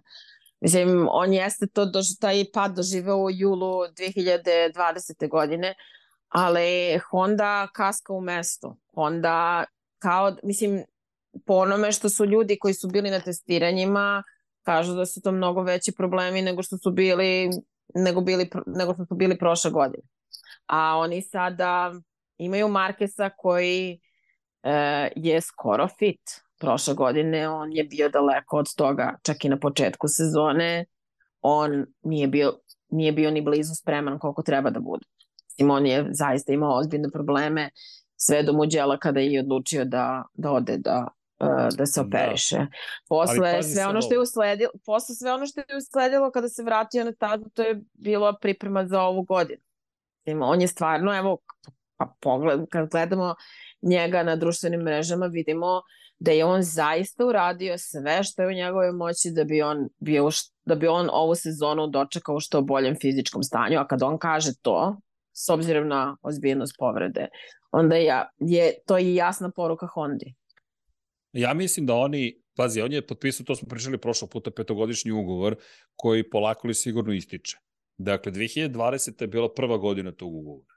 21. druga, 22. treća. Ovo je četvrta godina tog ugovora. Ugovor ističe na kraju 2024. I to je pitanje i za Markeza i za Hondu. Šta dalje? I ovo je kritična godina, moje mišljenje, ne znam da li se slažeš sa mnom, za 2024. Ja ih ne vidim kao kandidate za osvajanje titule ove godine. Koliko god Mark Marquez bio spektakularan ne. vozač, ja mislim da ovo nije ta godina za Hondu. Jer pazi, Ken Kavauči je tek, kažem, stigao. On može da utiče tek na motocikl ozbiljnije za sledeću godinu iz perspektive motora. I generalno, većine stvari. Zašto? Ti možeš da homologuješ, homologacija može da se obavi za dva, zapravo, za dve da kažemo, aerodinamičke celine. Dakle, ti imaš pravo da prijaviš jednu oplatu i da opla, možeš da skidaš delove oplate, ali najkompleksniju prijaviš na početku i promeniš jednom tokom sezone šasije, to jest ramove možeš da menjaš, možeš da menjaš veljuške, možeš da menjaš većinu tih delova. Možeš kočnicama da se baviš i tako dalje. Motor, jednom kad se uradi homologacija za godinu, to je završeno. Većina nema problem s motorom i naravno možeš da radiš na elektronici. Nadam se da nisam ništa počeo, po, pošto sam zategao. Čujemo te, čujemo te. Ok. I sad, pazi šta, šta, šta su radili. Ono što je rekao, što mu se dopalo kod Kavaučija, je što su smanjivali broj motocikala koji su testirali. I rekao je, Prvog dana smo imali četiri motocikla. Drugog dana smo imali tri motocikla. Danas imamo dva i u popodnevnim časovima poslednjih dana smo imali jedan motocikl. Meni to deluje kao dobar naučni pristup. Idemo, taka, taka, taka, taka, taka, kao levak, dolazimo do ovoga i na osnovu toga ćemo raditi. Ono što je rekao je međutim da mu nisu govorili uopšte šta testira testiraj ovo, kaže vozim koliko krugova, dva kruga, vratiš i kaže ponekad kao vozač kada ti daješ informacije, mislim da treba menjati šasiju, da treba menjati elektroniku, da menjati treti, možeš da utičeš negativno na inženjere, ali takođe, znaš, ovdje Mark Marquez nije baš bilo ko, i ti od njega ne tražiš nikakav feedback osim daj mi povratnu informaciju kakav je bio osjećaj i ništa više od tvog mišljenja mi nije važno. Ajde da vidimo kakav će to biti pristup. I s druge mm. strane, pazi, izvini sad ovo, zašto su testirali motocikl bez krilaca? Da bi Ken Kavauči mogao da prikupi podatke o tome kako sa sadašnjim gumama, u sadašnjim uslovima, sa sadašnjim vozačem i elektronikom, taj motocikl funkcioniše. Pazi ti gde se Kavauči vraća. A ono što je fenomenalno bilo, to je David Emmet lepo, lepo izvestio, jeste prednji kraj motocikla za 2023. Krila iz 2017. Nova oplata koja ima taj efekat tla čuveni, aluminijumsku zadnju viljušku koju su razvili zapravo sa Kalexom i ta viljuška je bila dizajna od pre šest godina. Pazi ti gde su se oni vratili, ne bili Ali, nešto. E, znaš šta, Srđane, ok, e, ti si rekao da je to dobar naučni pristup 4, 3, 2, 1 ali taj Mark Marquez im je, je stvorio toliki broj šampionskih mot motocikla i ti sad od njega, znači on je dečko koji je od 2013. godine u kraljevskoj klasi i tekako vrlo dobro zna kako je testirati motore, ti od njega sada tražiš da on dođe i da ti kaže posle dva kruga kakav je osjećaj. Kako ti posle dva kruga možeš da stvarno znaš kakav je osjećaj u malezijskoj, kako se zove, vrućini i u tropskim uslovima i sve ostalo. Što prvo, tako, mislim, ja shvatam zašto oni rad, prave uh, testiranja u Sepangu uh, za svaku sezonu, ali uslovi u Sepangu mogu da se primene za neki tamo oktobar 2023. godine. I da još neku trku ni za jednu trku u Evropi, niti jednu trku na ovaj u Južnoj Americi tebi ti, u Južnoj Americi i u Severnoj Americi tebi ti uslovi neće biti ni od kakve važnosti. Ali ti njega pošalješ da ti kaže kakav mu je osjećaj posle dva kruga. Da li su, mislim, dobiješ da voziš safety bike, pa ti daju tri kruga, a ovaj, a oni ti kažu e, okay. vozi, okay, do, vozi dva kruga. Činjenica. Ne, ali kažem ti, gledam i rezultate, mislim, gledam kako su jasno, oni pristupili on uđ, ode, izađe, ode, izađe, ode, izađe, mislim, to je Mark Marquez. Vidi, Znam, meni I deluje mene, kao I mene da... sad da ljute, i mene sad da ljute. ne, vidi, nisam siguran da, da, da, da, da, da znaju kako da ga iskoriste čak. On je takva anomalija i zaista kada pogledaš, Ok, niko posle ne zna kako godina, je fizičko stanje. Posle, hm. posle toliko godina saradnje sa njim, da ne znaš kako da ga iskoristiš je najbolje ja, rečeno ti, A gde, gde misliš da bi ga iskoristili kako treba?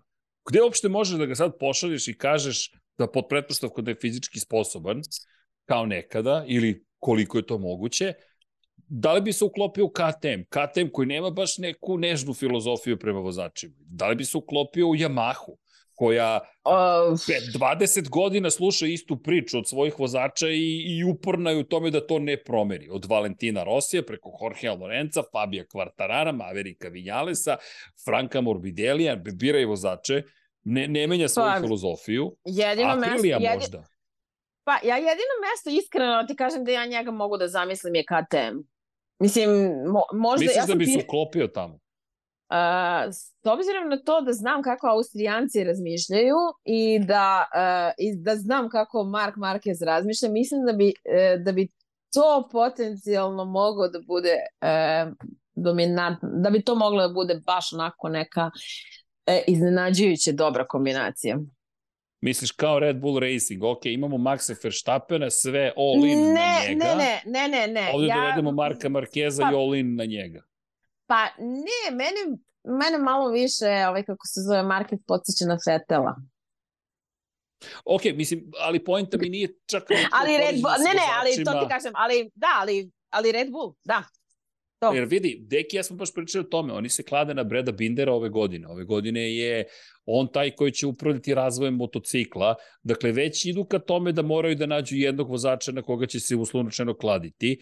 E i sad, gas gas si odvojio kao robnu marku, jeste to KTM, ali filozofski gledano to je neka druga priča i imaš KTM gde imaš Jacka Millera na poziciji 2, bez obzira što je Jack Miller čovek koji i može da kaže s ozbiljnim razlogom, ej ljudi, morate da, ja moram da vidim, e, egal ovde, on jeste suštinski egal, ali gde je broj 2? Brad Binder više poznaje taj motocikl. I da. baš mi je zanimljiva ta filozofija. Ok, pazi, KTM, Mark Marquez, Red Bull ga voli, sponzorstvo je to, cenim da bi to njima bilo zanimljivo, ali ja zaista mislim da je ovo godina, na njihovu žalost, i Honda i Marka Markeza njegovih navijača, zapravo za pripremu za 2024. Kada je reč o Aleksu Rinsu, Joanu Miru, Rins dobar tempo ima. Ali mogu samo da se vratim, samo, seko, samo sekund na Markusa. Ja, ja zaista mislim da ja zaista mislim da ako ova sezona ne bude onako kako Markus očekuje, da će on već da počne, da ćemo mi već tokom sledeće zime dobiti razrešenje njegove budućnosti. Da se to neće čekati tamo Misliš 2020... da neće čekati 2024. Ne. E, ali aj pitanje, ne. evo, evo, pitanje za publiku. Da li, bi, da li čekati sada Marka Markeza?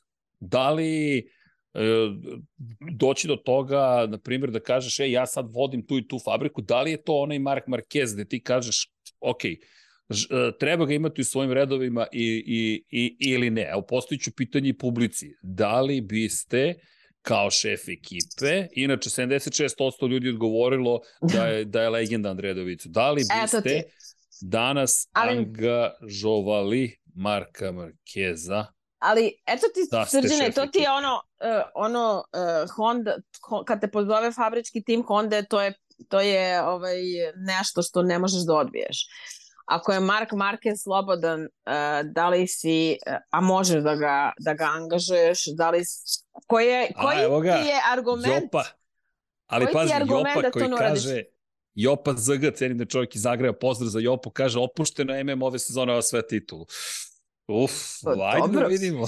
Slušaj, ali pazi kakva na sezona sledi, niko, niko e, ne zna, a ja mogu, znaš, ko će ja mogu ja da imam jedno, Udri. ja mogu, mogu ja jedan bold prediction da imam. Ajde, a ajde, je, pa naravno. Franco Morbidelli će da bude bolje od Fabio Quartarara. O, čekaj, ovo mora se zabeleži. Čekaj, koji je ovo Slušaj. minut podcasta?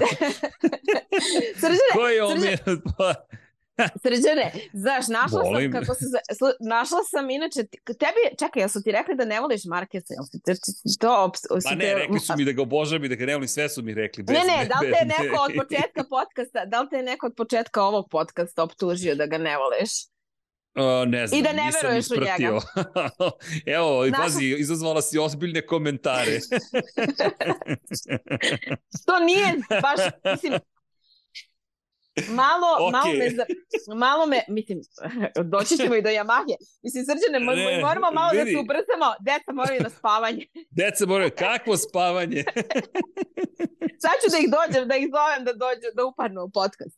Ovaj, Reći ću, mislim, reći ću i zašto, mislim, e, zašto mislim to, zato što e, razlika između e, njih dvojice je poprilično mala, sob, iznenađajuće mala. Nekako mi se čini da Morbidelli se mnogo bolje snalazi na ovom sada motoru nego što je to bio slučaj tokom cele prošle godine.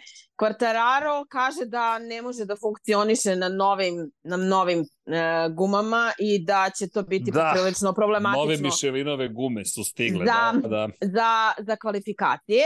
Uh, sada, s obzirom na to da imamo dve trke i da te kvalifikacije određuju startni poredak kako za prvu, ta, kako za sprint trku, tako i za onu glavnu trku, to može da upropasti, mislim, to znači za osobu koja je trenutno znači, na 19. poziciji uh, u, na testiranjima, da uh, će tokom sva, dva dana uh, tog trkačkog vikenda morati da juri u prvih nekoliko krugova da nadoknadi ne znam Aha. koliko pozicija da bi bilo da bi bio u konkurenciji uopšte za podijuma, ne za pobede.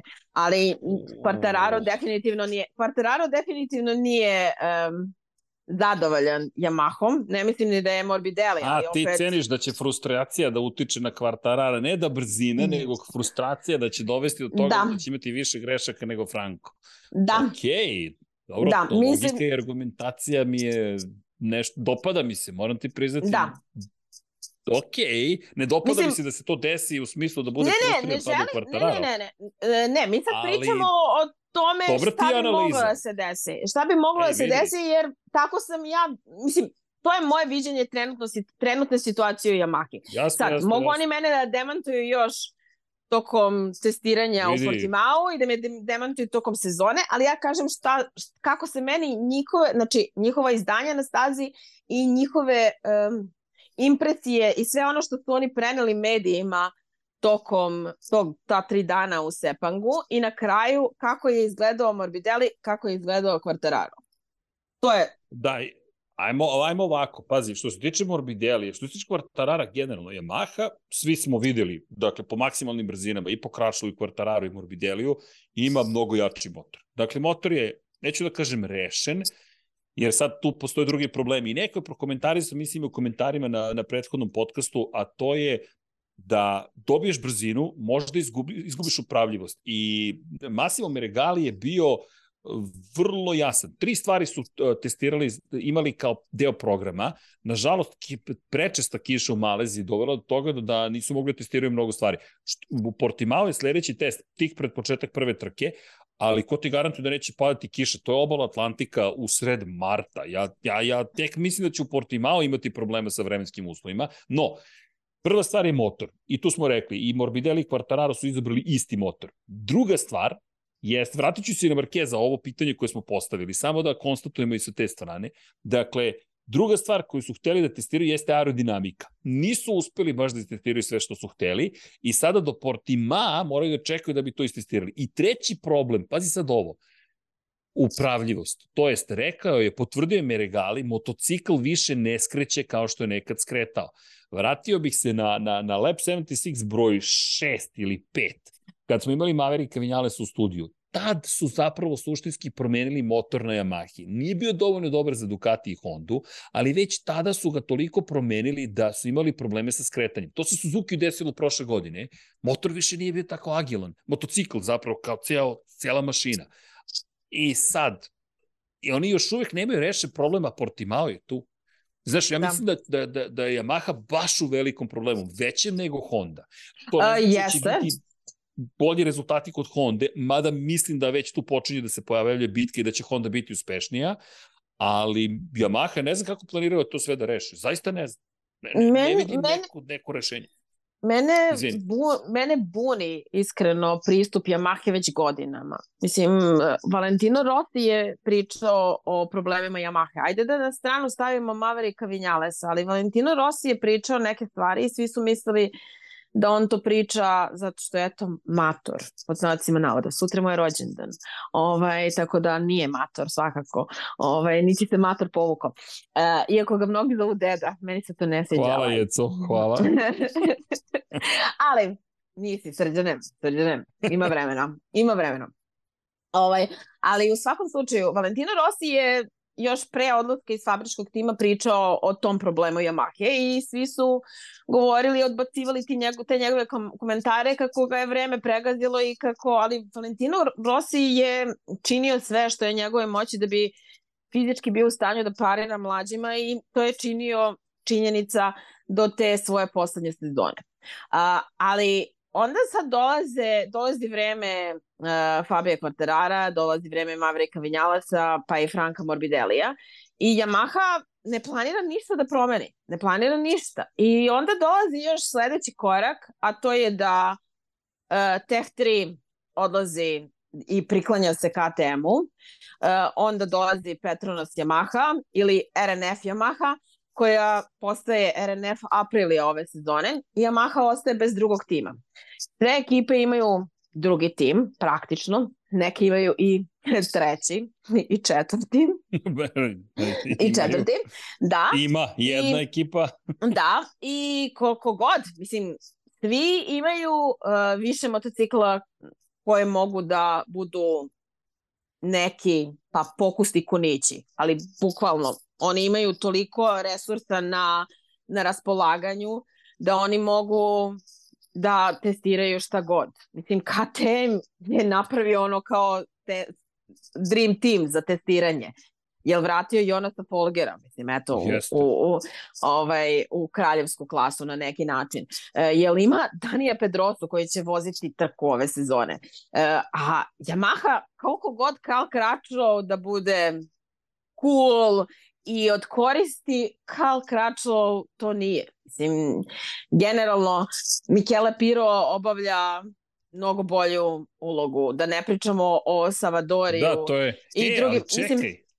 Da, znaš šta, u super si temu pogodili, izvini što te prekne, samo kratko. Silvan Gintoli, što niko ne angažuje Silvana Gintolija koji je testirao za Suzuki, koji je napravio taj Suzuki. Apsolutno mi nije jasno šta oni rade. Mislim, koja je to filozofija? Ok, Karl Kračlo zna taj motor, ali on zna taj motor, oni su njega angažovali prošle sezone i zna taj motor od mnogo ranije. Znači, on je na početku svoje karijere u kraljevskoj klasi vozio taj motor. I ok, razumem ja to, zato što on ima i taj, to iskustvo vožnje i Ducatija i Honda, pa može da im pomogne. Ali oni na raspolaganju imaju Fabio Quartarara, Franka Morbidelija, dvojcu vozača koji su koji znaju da voze taj motor. Znači, Franka Morbidelija su, pa je ta Yamaha upropastila u poslednje dve godine. Nije on zaboravio da vozi. Mimo je jeste problem sa povredom, ali dečko je bio vice šampion pre tri godine, zar ne? A onda odjednom, kada je došao u fabrički tim, ne može se sastavi. Ali generalno Yamahin, Yamahina filozofija mi se ne sviđa i mislim da je njima potrebna promena filozofije. Promena Lina Jarvisa i promena određenih ljudi tamo u fabrici e, u Japanu, jer ništa da, drugo neće, ali, neće doneti dobro. E, ali mislim, ja, ja se slažem 100%, 100%, jer pazi sad razmišljam o sledećem.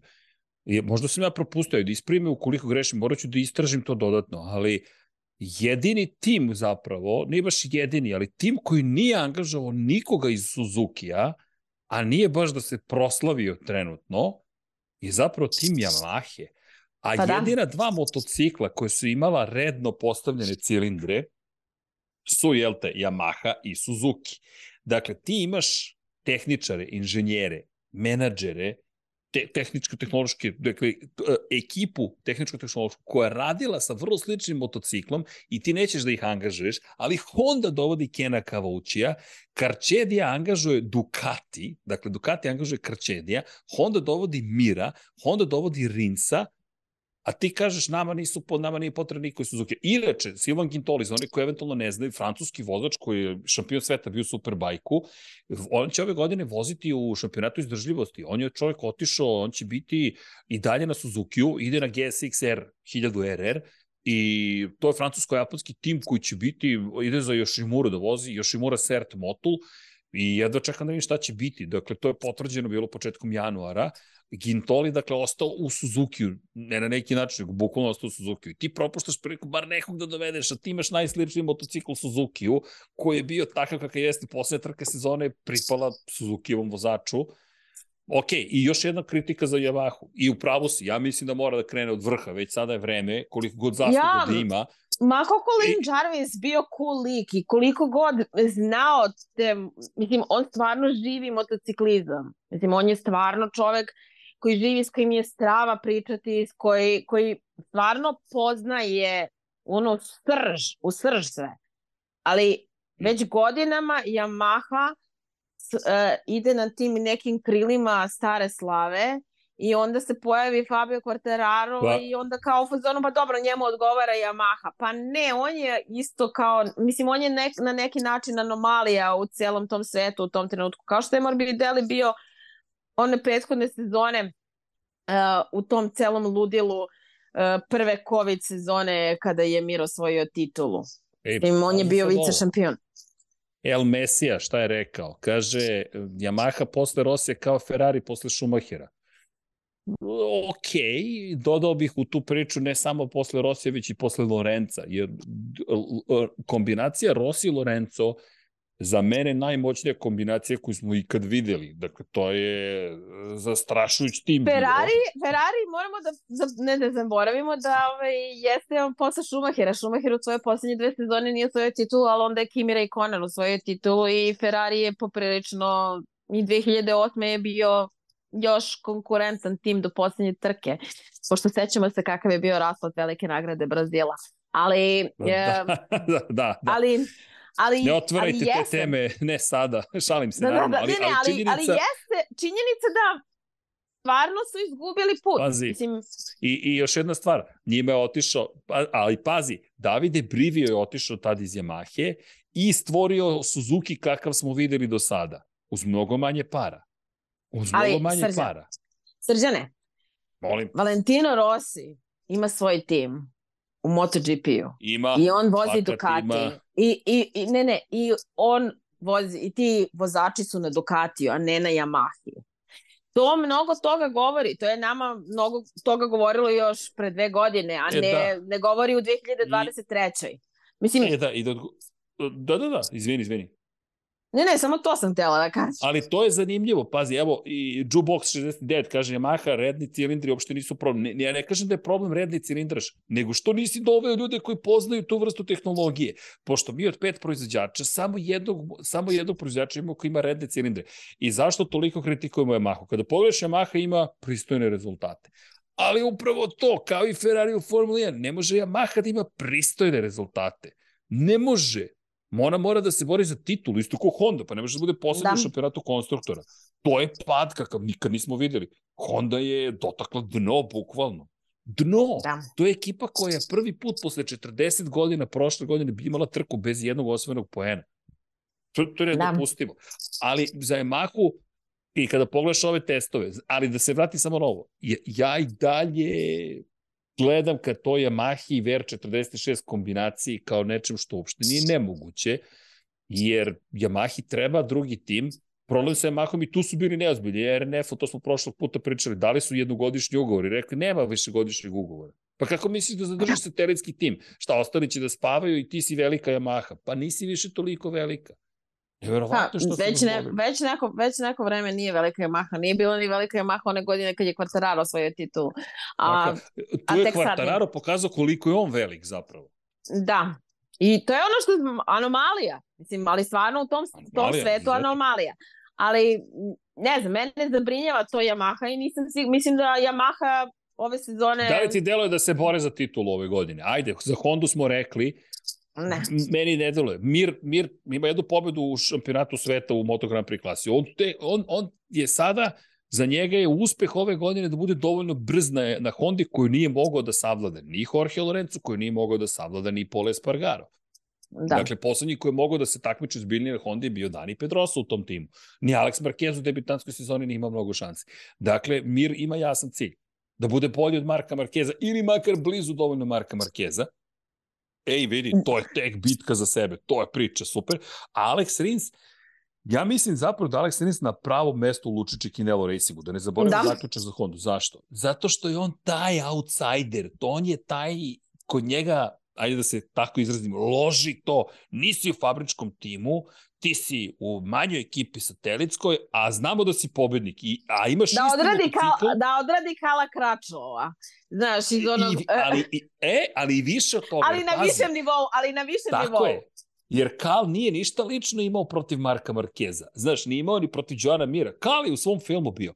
A Rins, imaš bivši klubski kolega je dobio fabrički ugovor, ti nisi, i Mark Marquez je u pitanju, s kojim si imao i čukanja na stazi, i bitke u poslednjem krugu, i svega je bilo, i izjava raznoraznih, španci, sva trojica, ja mislim da, da je Rinsu baš ovo potrebno, da bude kao onaj otpisani, ma, ti si, kao, te nisi za fabrički tim, a nisam za fabrički, sad ćete da vidite. Mislim da će tu da varniči tamo kod Aleksa Rinsa, i to je Kaki Nakagami koji mislim da samo odrađuje poslednju sezonu pre nego što se- gura Sazri.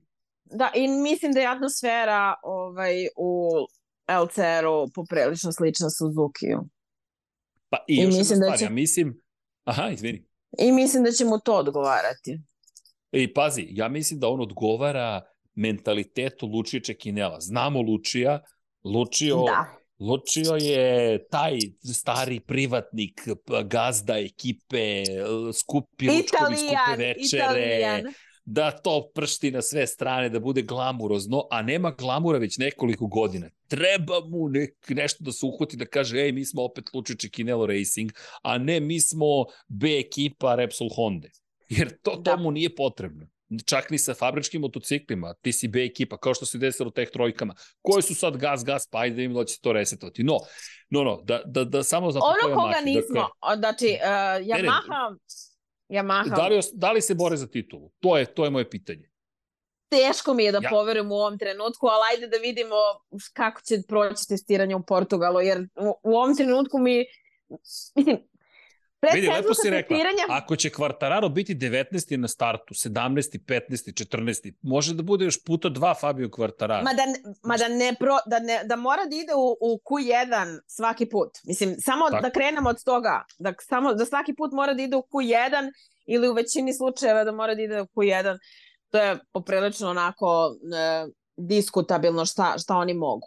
Ali, hajde, s tim možda će oni da pronađu neko čudo u, u ovih nekoliko nedelja pa da, da naprave neki preokret u Portugalu.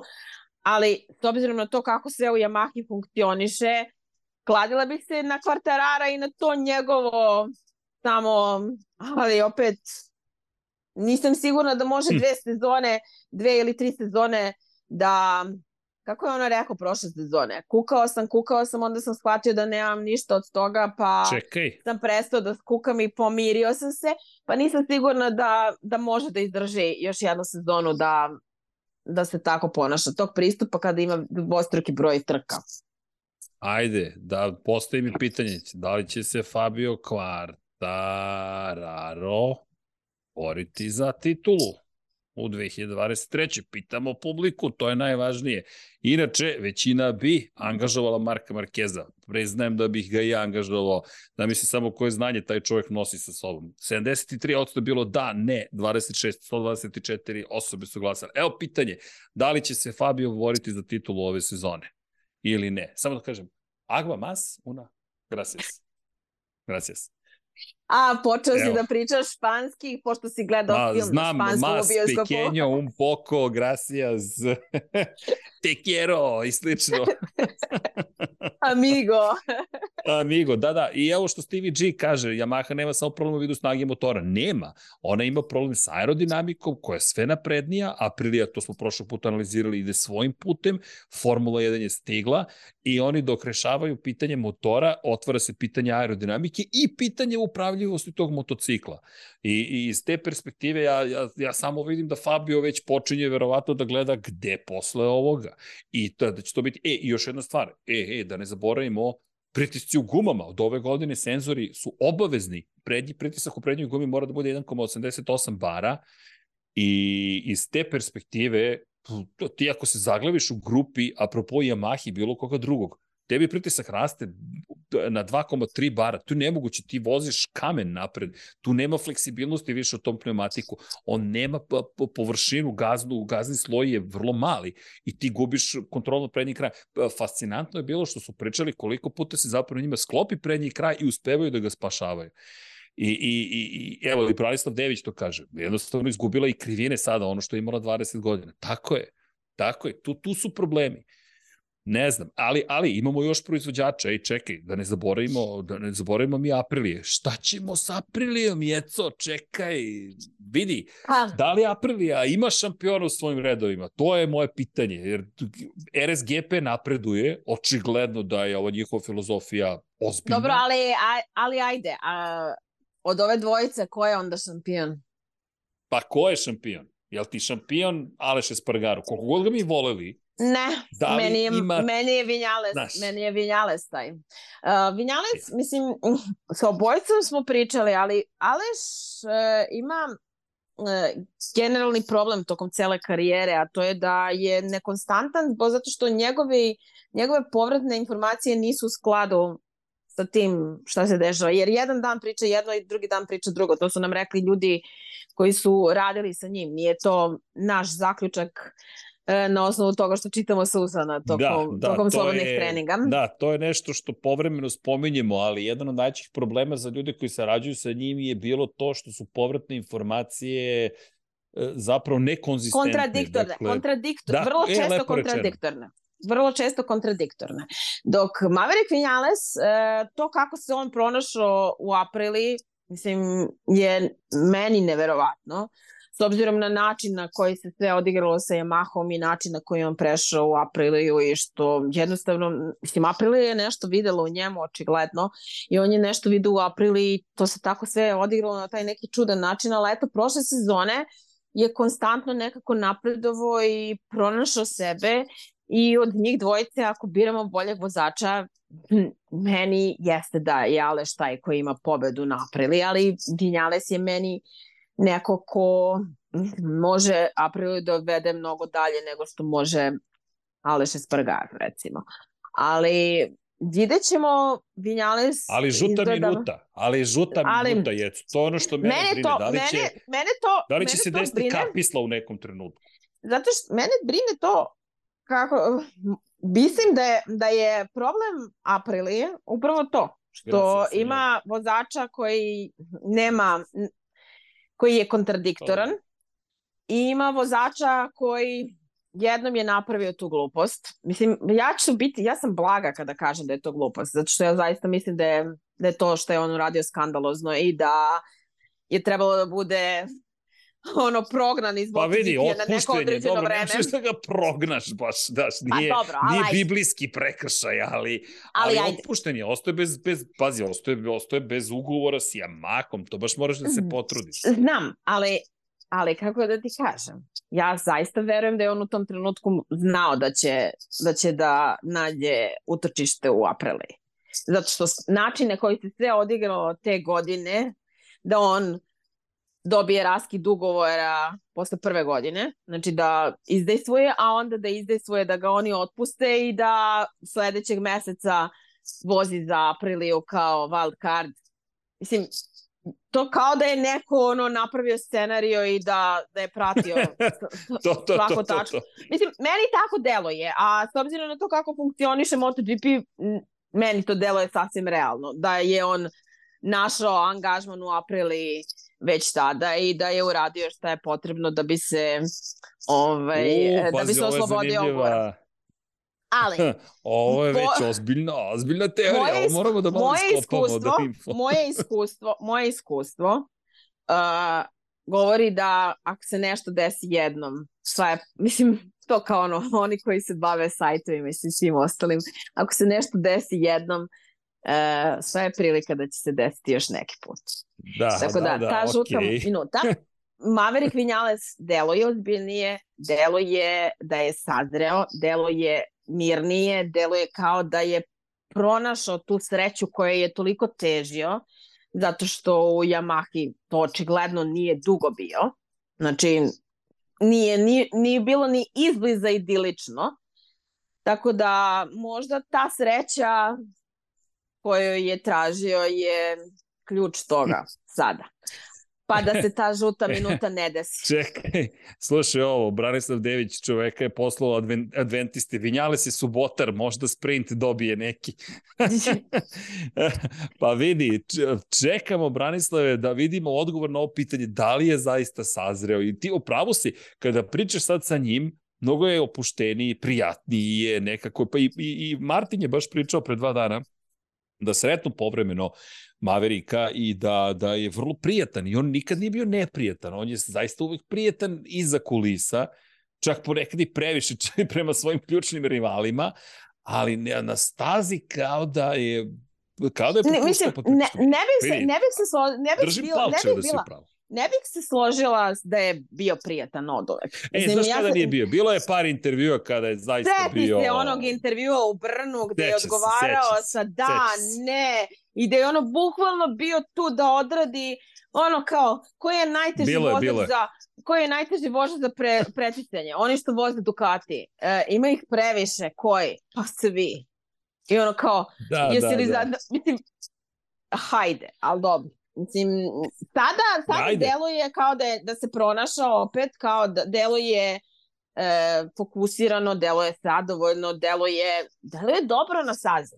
Tako da vidjet ćemo kad počne sezona šta, šta to zapravo znači, ali od njih dvojice ja bih se kladila svakako na, na Vinjalesa. Na Vinjalesa, ok, ej, to će biti interne bitke. A šta ćemo sa Raulom Fernandezom i Miguelom Oliveirom? Oni su pa... na prošlogodišnjoj verziji Aprilije. Ok, prvih 5-6 trka, to možda bude do... Znaš do kad ja mislim da će biti super na, na, na, na starim motociklima? Do ove mesečne pauze između maja, 15. maja i, i 12. juna. Ja mislim da do tog momenta možeš da računaš na stare verzije i onda kao u Formuli 1, mada tu imaš ogromnu pauzu, stižu unapređenja. Um, ne znam, mislim da Raul Fernandez to, taj njegov stav i karakter mogu da budu veliki problem, s obzirom na to kako se on ponaša uh, van staze poprilično. Uh, na stazi... Da, to je i Martin potvrdio. Imali smo svi iskustva ne baš najprijatnije sa Raulom. Raul nekako... Fernandez, ni, ne, nemam utisak, mislim, on je poprilično, mislim, hajde da budem um, onako, da najbliže rečeno kažem, on je bezobrazan. Mislim, on je baš neprijatan, on je nevaspitan. Mislim, baš je nevaspitan. Da, u jednom momentu je otišao na tu granicu. Prošle godine ni bio, ajde ja ću da kažem neprofesionalno, možemo, možemo to da iskoristimo, da. jer da. način na koji je pristupao i medijima, i timu, i kolegama u krajnjem slučaju je bio bio problematičan. I to je Mislim, Martin je... rekao, da mu nije ostao u najlepšem sećanju, još kada, je, kada su bili klinci u Red Bullom kupu Novajlija. Ali nije to, to stvarno nije samo sada. Mislim, to je moj utisak i bio dok je on bio u Moto2 kategoriji da nije baš najprijatniji za saradnju. Ali prošle Ali... sezone je on baš to oterao na neki novi nivo, došao ti u kraljevsku baš klasu. Baš je bio ličan, baš je bio ličan. Da, i svaki Ali ja mislim da to taj bio... problem sa KTM-om da on taj njegov problem sa KTM-om je preneo dalje. Evo kaže Branislav Dević neprijatan, znači šampionski kalibar. Ali malo neprijatan po prilič, mislim neprijatan na, na loš na loš način, na loš da, način. Da, mislim da, da. Jorge Lorenzo, Jorge Lorenzo je znao da bude neprijatan, ali da, ne, ali, ne, ali bio... ne tako ne, je. ne, ne takav. Uh, mislim, ona je njegova izjava gde je on moralni šampion, a Remy Gardner, uh, mislim, ne, još to od ranije. To je ni podaštavanje znači, rivala koje je neprimjereno. To, ne. A još plus su njih dvojice bili timski kolege, timski kolege u, ovaj, u Moto2. Ej, onda znaš su kako bili se kaže, ko gubi ima pravo da se ljuti. Neka. Ta titula je s razlogom. E pa, Srđane, ti navijaš za Remija Gardnera. E, to... e, ali vidi, Remija stvarno, stvar, Remi mi je neko jedan od najsimpatičnijih ljudi. Jeste, jeste. Koje možeš da sretneš. I ja mu držim palčeve u Superbajku, zaista da... da ja želim da, da se vratim. Želim da se vrati, iskreno. Baš se nadam ja da će se vratiti. Ja bih volao. Ja baš se Evo, nadam. kaže, kaže El Mesija, Raul će da kida ove godine. Ne bi me iznenadilo zaista na stazi da bude izvrstan. Ja, vidjet ćemo RNF opet kao sa Oliveirom, tu će biti pitanje za RNF zapravo šta oni mogu kao tim zajedno da postignu. Što se tiče, što se tiče njega, Noe Herrera će mu biti zapravo glavni inženjer, pa ajde da vidimo tu saradnju. I to, e, to je ono što je najveći problem za Raula Fernandeza. Ukoliko, to je moje mišljenje samo, ne znam da se slaže sa mnom, ako okolnosti nisu idealne prema njegovom mišljenju, da će on prosto odustati. Da će reći, da. ok, mene ovo ne zanima dok se stvari ne poboljšaju. Da, Zato ta, mi nije šampionski da, kalibar. Da, Jer šampioni da. to ne rade. Šampioni kažu, ok, ovo je najbolje što trenutno imam na raspolaganju, ajde da vidite šta mogu. A ne, kada mi jednog dana date sve što sam tražio, onda ćete da vidite šta ja mogu. Za pa mene Znam, su to ali... gubitnički karakteri. Jednostavno toga, ti ja, koliko smo se puta nagledali po našoj branši, ljudi koji su zaista talentovani, ali im je stav, nisam dobio dovoljno to, to, to, to, toga, toga i toga, pa neću ni da se da pišem ili da snimam Mislim, ili ja da bih radim, da radim ja bih da radim zvezdu, ja ću ja bih da radim zvezdu i partizane ništa drugo. Mislim, taj fazon. Mislim, ali bukvalno pa, je to. Ne ide to tako. Osim kad ne, se ne, ne, dokažeš, pa možeš da tražiš možda neke pa, uslove. Pa da, tako da to ti je uglavnom to. Čekaj da vidim samo da li, e, samo ću se na sekund isključiti da vidim da li su deca za spavanje. Samo sekund. Da su deca za, ne, naravno, naravno tu si, eto, evo tu sam ja, tako da imamo, imamo priliku da časkamo dalje. Čekaj da vidimo šta kaže ovde anketa. Šta, u, anketa baš i nije naklonjena Fabiju Kvartararu, tu se deli mišljenje. Dakle, 54% kaže Evo, da... Evo, Srđana, imaćeš neće. pozdrave. I, i Imam pozdrave. Ćete... Maša. Čekaj da vidim, da se vratim na Zoom. Opa, zdravo! Pa desi lepoto, šta radiš? Evo čekaj, evo ti kaže nešto. Tak. Okay. Čekaj, to su navijači, pa ti si sad velika da. devojka, sad nema više kornjača. Da, da imam kornjače gore. To imam. super. Je se navija da, za da. Valentina Rossi? Segi, gde si? Čekaj, čekaj da ti pokažem sekund. Čekaj to, da pokaže. To ti si u, ti si u dečoj sobi. Pa, Evo pa jedna. to je ta žabica. Evo druga. Imam Sjajno. Tako to, da imamo ej, to, nadam se da se vidimo zastav. na stazi ove godine. Gde je? Pa evo ti je zastava. I zastava je tu. Pa to su navijači, od malih nogu se kreće. Vidiš. Da, pa da, Mislim, e, naravno, za navijački, MotoGP. e, moram da kažem da su navijački rekviziti e, braće Marquez i sve ostalo. Evo i Opa, evo ga, kako je to stig, gde si? Evo tebi slušalica da čuješ srđana. Ajde.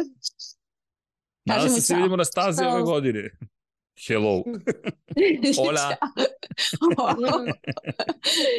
vidjet ćemo se na stazi, vidjet ćemo se na stazi. To, to, to, to, to na stazi. Gde je tebi Marquez nešto? Do. Pa done, donesi da Dole. vide, da ne bude samo da, da Dole. prikazujemo Rosija. Da nas optuži da... Sjajno. Dobro, to, mi, to smo videli. Tako da, ovaj, eto, uh, deca još nisu za spavanje, tako da možemo, jel možemo još malo da pričamo Srđan i ja? Staro, možemo. Pozdrave dobro. ih sve puno. Tako da, ali pusti, pozdravlja vas sve Srđan puno i reci Serg- Sergiju da slobodno uđe da donese to što sam mu rekao. da donese Markeza. da. Evo, Ćao, ćao. A, super. Da, za one koji ne znaju, to, je, to su naši drugari koji žive u Španiji trenutno. Zapravo roditelji su ti koji obožavaju Moto Grand Prix, ali mi se znamo Deca su, de, go, deca su, godinama. deca su luđa, deceniju. deca su, lu, deca su luđa, deca su luđa. Da, oni sve znaju. Tako da, evo, krenuli su da čitaju knjige.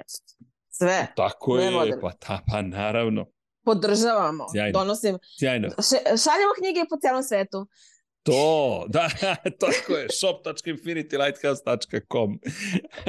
Inače, evo, 130 glasova, ne znam da li si čula, kvart, kvartararo, da li će se boriti za titulu ili ne ove godine. 53% kaže ne, 47% kaže da.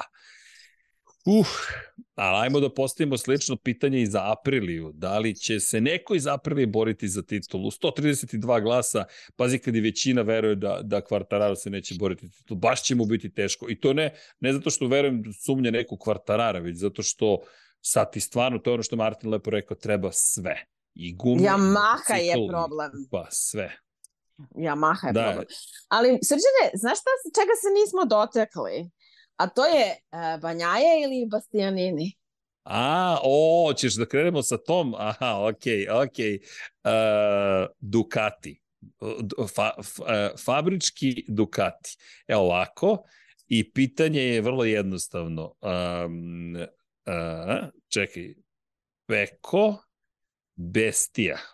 Pa sada glasajte. Samo ću, samo ću, to, to, to će biti pitanje. Evo, a kada već postavljaš to pitanje, bilo na početku malo sam pričao o tome i evo kaže čovek, čekaj vidim ko je to napisao, kaže Jubox, ako se posveđaju Peko i Bešte i zagrade boksuju Ducatiju, gasim TV, motam kablo i prepuštam titulu Fabiju Quartararu.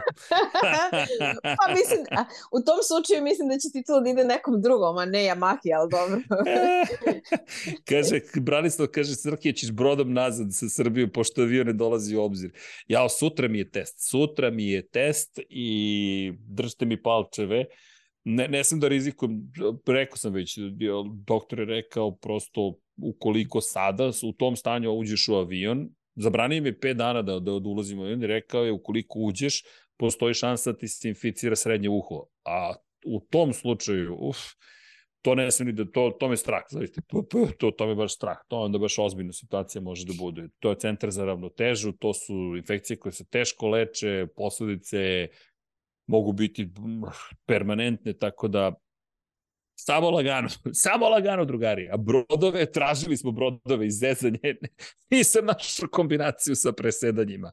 Kaže, i pitanje, kaže Branislav Čepovi za uši, uh, smanjuje opasnost, ali problem nije u tome, nije problem spoljne infekcije, pošto je, jel te, u, otorinolaringologija takva da su uho, grlo i nos spojeni i prilikom promjena pritiska može da se proširi ta, ta, ta, prosto rupa koja postoji u bubnoj opni da zapravo infekciju povuče kroz nos. Tako da, lagano. Ali idemo dalje. Uh, kaže, može mali komentar za Super Bowl. Gledajte 99 yardi u petak, onda ćemo sve to da iskomentarišemo, osim ukoliko se ne spakujemo u avion. Ali, eto, pitanje, dakle, Peko ili Beštija? Šta ti kažeš, Peko ili Beštija? Ko će biti bolji? Ajmo ovako, malo se igramo, naga, nagađam. Pa Peko. ja ću reći Peko, a ti ćeš reći Beštija. Tako Pa je, ćemo ti da- si prošle godine najavila Pekovu titulu, pazi, još u Kateru pre prve trke ti si rekla ti da ti Peko osvaja titulu. Da, tako da, mislim, samo što nisam zaista mislila da će na taj način sve da se odvija. Mislila sam da će biti mnogo ozbiljnije, ali sada, sada kaž, mislim da je sazreo i da i to kako on izgleda, mislim, on, on je u ovom drugom delu prošle sezone stvarno izgledao fokusirano kao da kao čovjek koji ima svoju misiju. I mislim da će Da, mu da. to poprilično i da će mislim da će mu to poprilično pomoći. Vrlo lako može da se desi da da titulu odluče njih dvojica. Mislim ja zaista mislim da su njih dvojica trenutno naj samo i po vozačkim spo- sposobnostima i po motoru koji voze da su njih dvojica glavni kandidati i da tu možemo da ubrojimo i Aprilu i sve to, ali ipak Banjaja i Beštija glavni favoriti za titulu, pa onda Vidi, svi ako ostali. pričamo racionalno, Peko je, Peko je favorit. Peko je Da. favorit, dakle, ajmo ovako. Prva stvar, čovjek je osvojio titulu. Dakle, životni san je ostvaren. Pritom, ti si doneo titulu ekipi koja ju je čekala 15 godina. 15 godina doneo si šefu ekipe Luigi Dalini, koji je 10 godina radio neumorno na tom projektu. Davidu Trdociju, Paolo Ćabatiju, svima koji su u toj ekipi i iz te perspektive ti kad se ujutro probudiš, što je to? Valentinu Rosiju si u krajem slučaju doneo titulu kao akademiji, kao čoveku, kao mentoru. Ne znam šta bi više mogao ti da učini da postigneš jednim potezom u svojoj karijeri. Da kažeš, jedan da, jednoga dana ću uraditi jednu stvar koja će da složi toliko kockica na jedno mesto. Tako da, Peko, da li je talentovan? Ultra talentovan. E, pobediti s Mahindrom za mene i dalje pff, neverovatno. E sad, mislim da ta opuštenost i ta vera u samoga sebe, jer on je, se vidi evolucija tokom godine, prošle godine kod Peka, dovodi do toga da je favorit. To ne znači da Beštija nema svoju šansu, ali Beštija nema titulu Moto Grand Prix šampiona. Beštija nije bio u poziciji da zaostaje 90 poena i preokrene to u svoju korist. Beštija još nije bio u fabričkom timu, bilo kom Da. Moto Grand Prix-u, pa da oseti pritisak. I Beštija još nije bio protiv Peka Banjaje u istoj ekipi. Jesu bili jedan protiv drugog prošle godine, dobio je dve bitke, izgubio je jednu u direktnim duelima, ali vratit ću se i na pitanje s početka, Andrea Dovizioso, Mark Marquez. Andrea Dovizioso ima više pobeda u direktnom duelu sa, sa Markom Marquezom kada je reč o poslednjem krugu, poslednjeg kruga, ali nema ni jednu titulu, a šest titula ima Mark Marquez. Tako da, i dalje dajem šanse Peku, ali isto tako verujem da Beštija ima sve što je neophodno da može da konkuriše za titulu šampiona. Apsolutno. I sad, zašto ću reći Beštija? Čisto zabave radi. Ne zato što je sada ponudio sam svoju argumentovanu, racionalnu analizu. Ono što Beštija možda može da donese u taj duel jeste upravo taj psihički, potencijalnu psihičku nadmoć, ali znaš, i tu, ajde, evo ispravi me, prekini me, Peko ima Rosija, ima Stonera, ima broj 1 na svom motociklu, Beštija na, sa svoje strane ima Karla Pernata, nekadašnjeg Da, menadžera. i na svom terenu je. I na svom terenu je Peko. Peko je tu već, on, on je izgradio nešto posebno i on ima taj neki poseban odnos. On je tu već uh, treću godinu, Bešti je tek stigao, tek treba. Mislim, ne mislim da će, da, da on ima uopšte, te, da je imao ikakvih problema prilikom navikavanja na, na fabrički tim, ali opet uh, on je došao u tim koji nije njegov. U tim koji, a ostalom, uh, njega Peko nije hteo za timskog kolegu, znamo. Tako da... Nije, nije. Nismo, E, čekaj, da- čekaj, kako su tebi izgledale večere u Madoni di Campilju? lepo.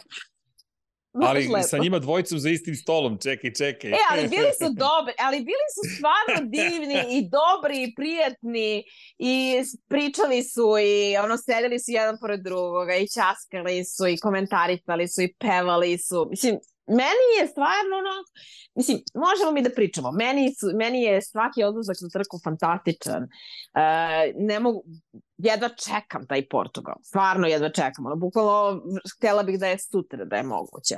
Ali e, to što smo doživjeli u Madoni di Campillo je ipak je nekako jedinstveno iskustvo gde vidiš te sve vozače koji, koje vidiš na stazi i vidiš u, u jednim određenim okolnostima u nekom mehuru, da kažem, i onda ih vidiš e, u potpuno nekom drugom svetlu i gde, mislim, Peko i Be Beštija su stvarno prijatni prema nama još od prvog dana i uvek časkamo, ali ovo je ipak bilo drugačije. Bili su mnogo opušteniji nego što su ikada na stazi.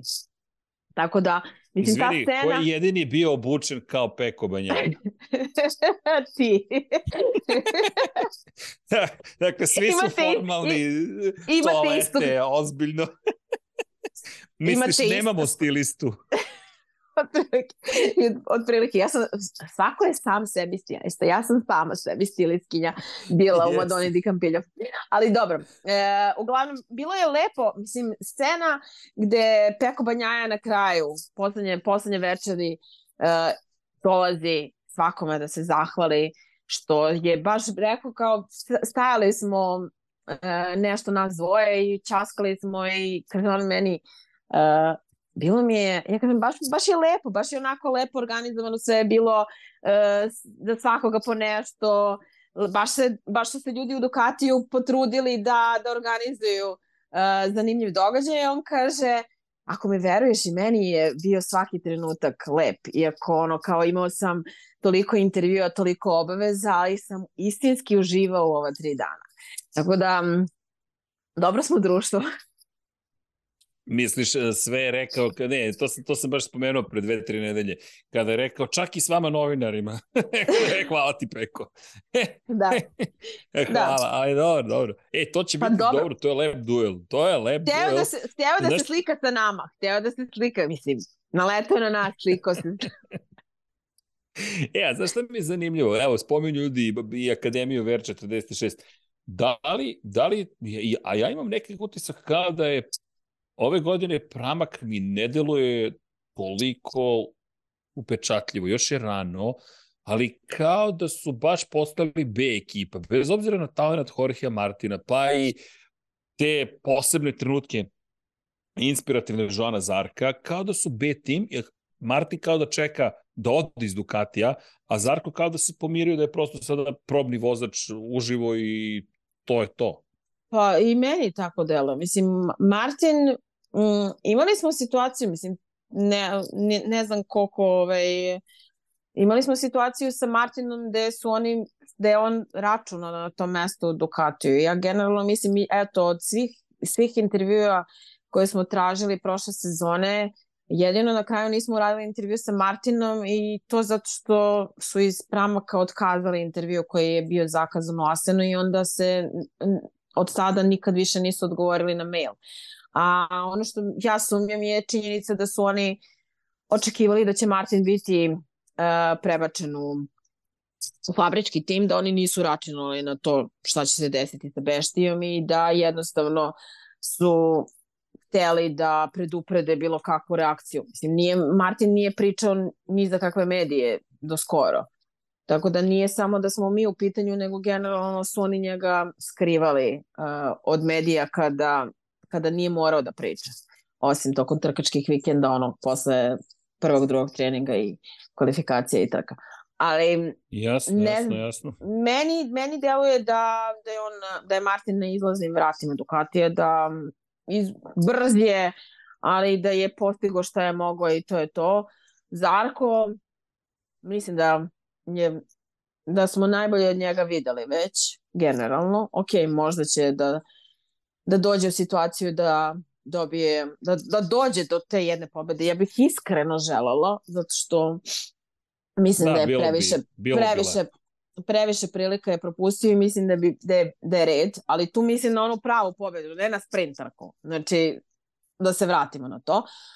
Ali e, ono što nismo pomenuli još, mislim, pošto smo se dotakli skoro svih vozača, možemo li da pomenemo mlađeg Markesa u Ducati, na To sam sad Ducatiju? ti kažem, čekaj, čekaj, ima, ima dve stvari. Marini, Beceki, mislim da je to To smo već Oskar pomenuli. Popo- Ne, ne, ne, ne, ne, nešto drugo, nešto drugo. Oskar popularnosti mislim da ide toj ekipi. Što je VR46, Apsolutno. što Marini, što Beceki, takav kakav jeste, podsjeći na Marka Simončelija, cela priča, Marini Polu, brat Valentina Rossi, obojica brzi, to je Oskar popularnosti.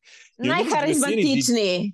Najharizmatičniji. Pri čemu jedan ćutljivi, jedan brbljivi. I to ti je, i to je super. Dakle, podsjeća me malo na, na, na Raikkonen Montoya kombinaciju, West, McLaren, Mercedes, hvatra i led, ali, ali s druge strane imaš Gresini. Fabio Di Antonio e, enigma, ja, ja ne znam šta da očekujem od njega, dakle, zaista ima Hrčedija, verujem da će napredovati ove sezone, ali nemam pojma, on mi je ka, tako malo nestalan element, malo bukne pa se smiri, bukne pa se smiri.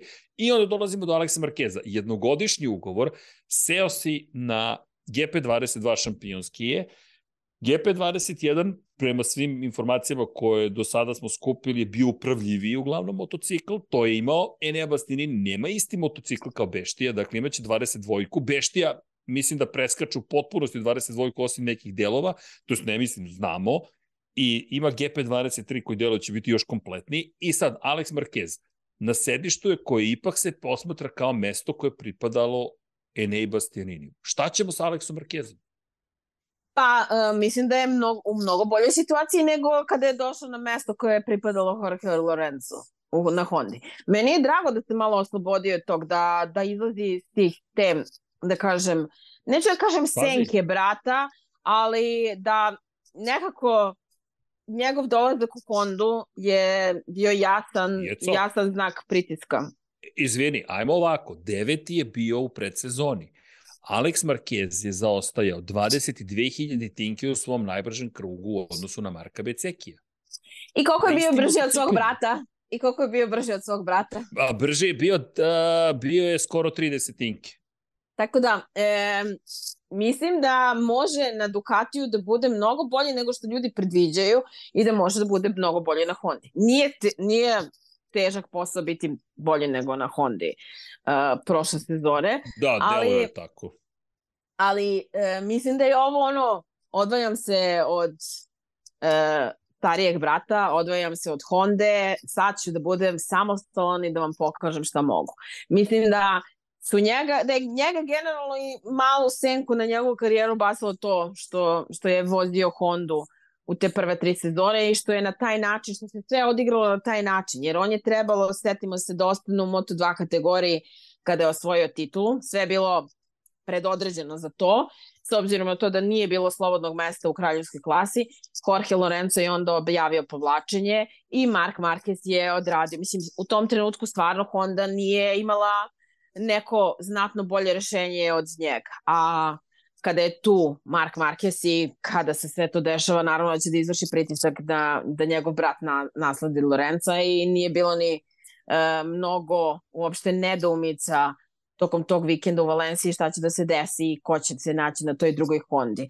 Ali eto, uh, on je možda imao lakši put, da kažem, u toj prvoj sezoni s obzirom da, da je Mark posle Keresa završio sezonu i da je imao ta dva podijuma, jedan u nekim u čudnim uslovima, jedan po suvom. To bili Le Mans i Aragon, ako se ja ne jesu Le, Le Mans bio prvi. Aragon je svakako bio. Le Mans je bio prvi kada je po kiši i onda je Aragon Da, bio i La- i sledeći. Aragon. To je, I Aragon, da. Jeco, to je Ali to je- 2020. Zato kažem, zato kažem. I onda posle toga je, je, je prebačen, ali to je bila Fab... A on je još pre, mislim, mnogo toga se čudno odigralo. On je još pre te sezone prebačen za sledeću sezonu u LCR, zar ne? Znači, već... Ma pre nego je što je bilo počela saopšte- sezona, pa pre- pre nego on što je nije počela odvezao sezona- prvu trku za Repsol Hondu, Prebačen je u LCR. e, nećeš ovde voziti na kraju ove godine. Da, i, Mislim, a da to je bilo pre korone. Kome, pa, to da, je- da, ali mislim da ne postoji čovek kome, kome, kome to nije udarac u, u mali mozak. Ti do, dođeš i kažeš potpisan za Repsol Honda, čak i neki je preko brata, ali Alex Marquez ima titulu Moto dvojkama i Moto trojkama. Ali čak i neka je veza, bratska veza, doveo me Murazer da vozi zajedno s njim. Ok, dovoljno je uradio za tu Hondu da može to da traži. 2009. šampion sveta u pojedinačnoj konkurenciji, šampioni sveta u timskoj konkurenciji, šampioni sveta u konkurenciji konstruktora. Trostruka kruna, šta hoćete više od toga? Doveo brata u big deal. Ja bih doveo svog brata. Dakle, i sad, ja sam čak rekao da mi je za Pozdrav Marka za Markeza brata, to najveća pozdrav za slabost. Da, brata. pa nije tu, ali, ali e, oni su gore ostali na roštilju. Ja sam u hotelu. Ne, ne žalim se, ali oni su gore roštilj prave. Ali, Žalim znaš, se što je na plin, a poneo je čumur sa sobom. Imamo 30 kila čumura sa sobom, ali dobro. Elem, ali, ali pojenta je u sledećem, a to je doveo si brata, ok, doveo, doveo ga je brat, ok, cool. I onda dođe tim i kaže, e, znaš šta, ali mi tebe sledeće godine nećemo te zadržati pre nego što smo vidjeli tvoju prvu trku u karijeri. Koja je to motivacija? Šta, šta, šta, kako ti pristupaš toj sezoni? ta, bez, bez onakvih ambicija koje bi trebalo da imaš. Mislim, bukvalno da. je to odrađivanje posla. Odrađivanje posla.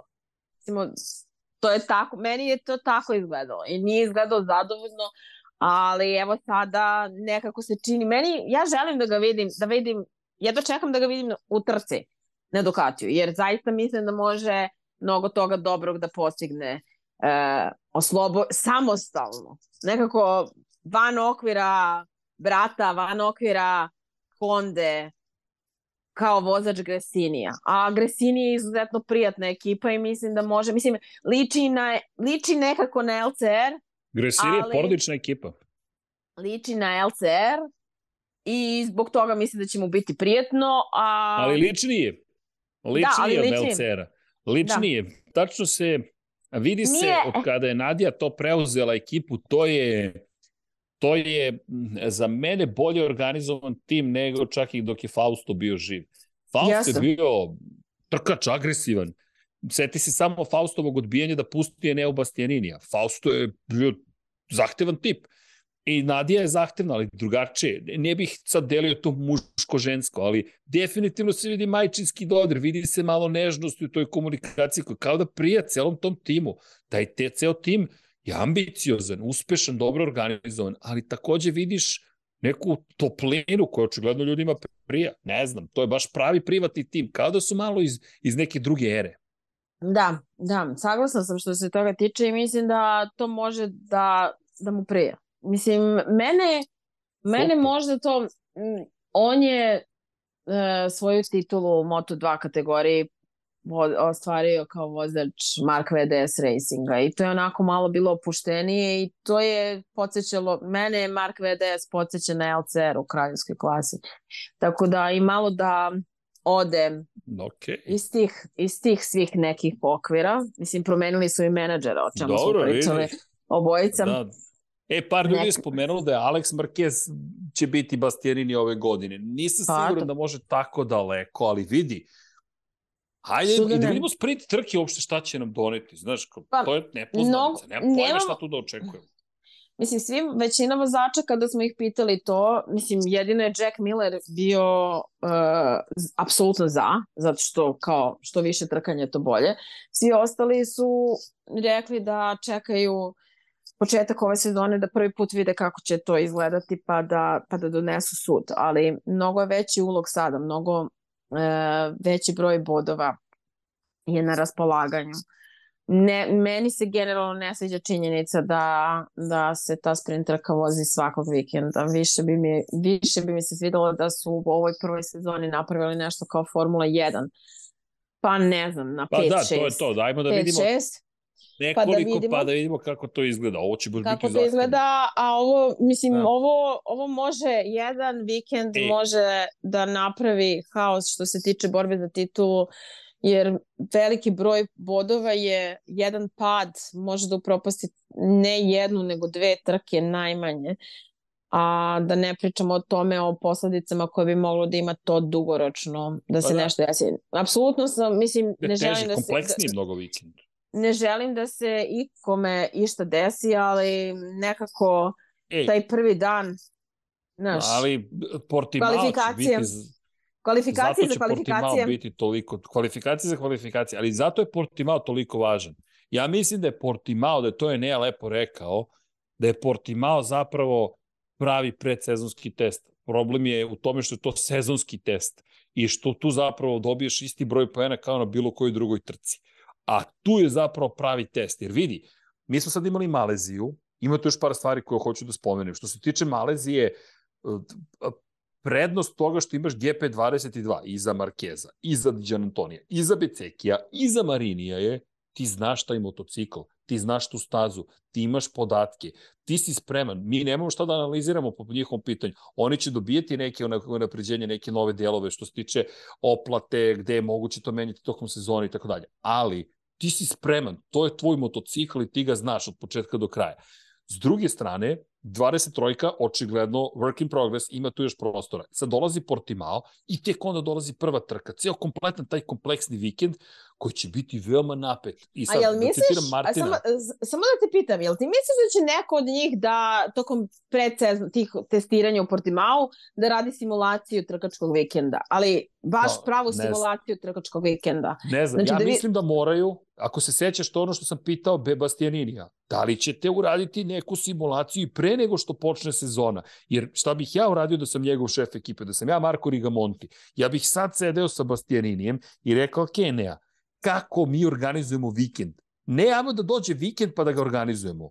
Da. Vidi, a Deki često napominje da je Formula 1 preslikana iz 90-ih na sadašnji Moto Grand Prix, da smo mi sada u toj eri praktično, donekli sa 70-ima sa eksperimentisanjem čudni oblici motocikala.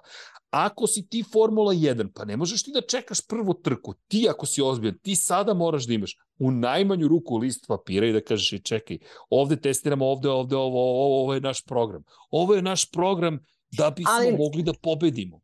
Da, seti se samo prošle sezone i ono što si ti rekao da je, da je Ducati napravio grešku. Se, ja se sećam da je Bastian, da je, ne Bastianini, Banjaja nekoliko puta rekao kako u svaki trkački vikend ulaze kao da je od početka. Znači da bukvalno od nule. Znači da mu je to bio problem, što ništa od prethodnog vikenda oni nisu mogli da koriste.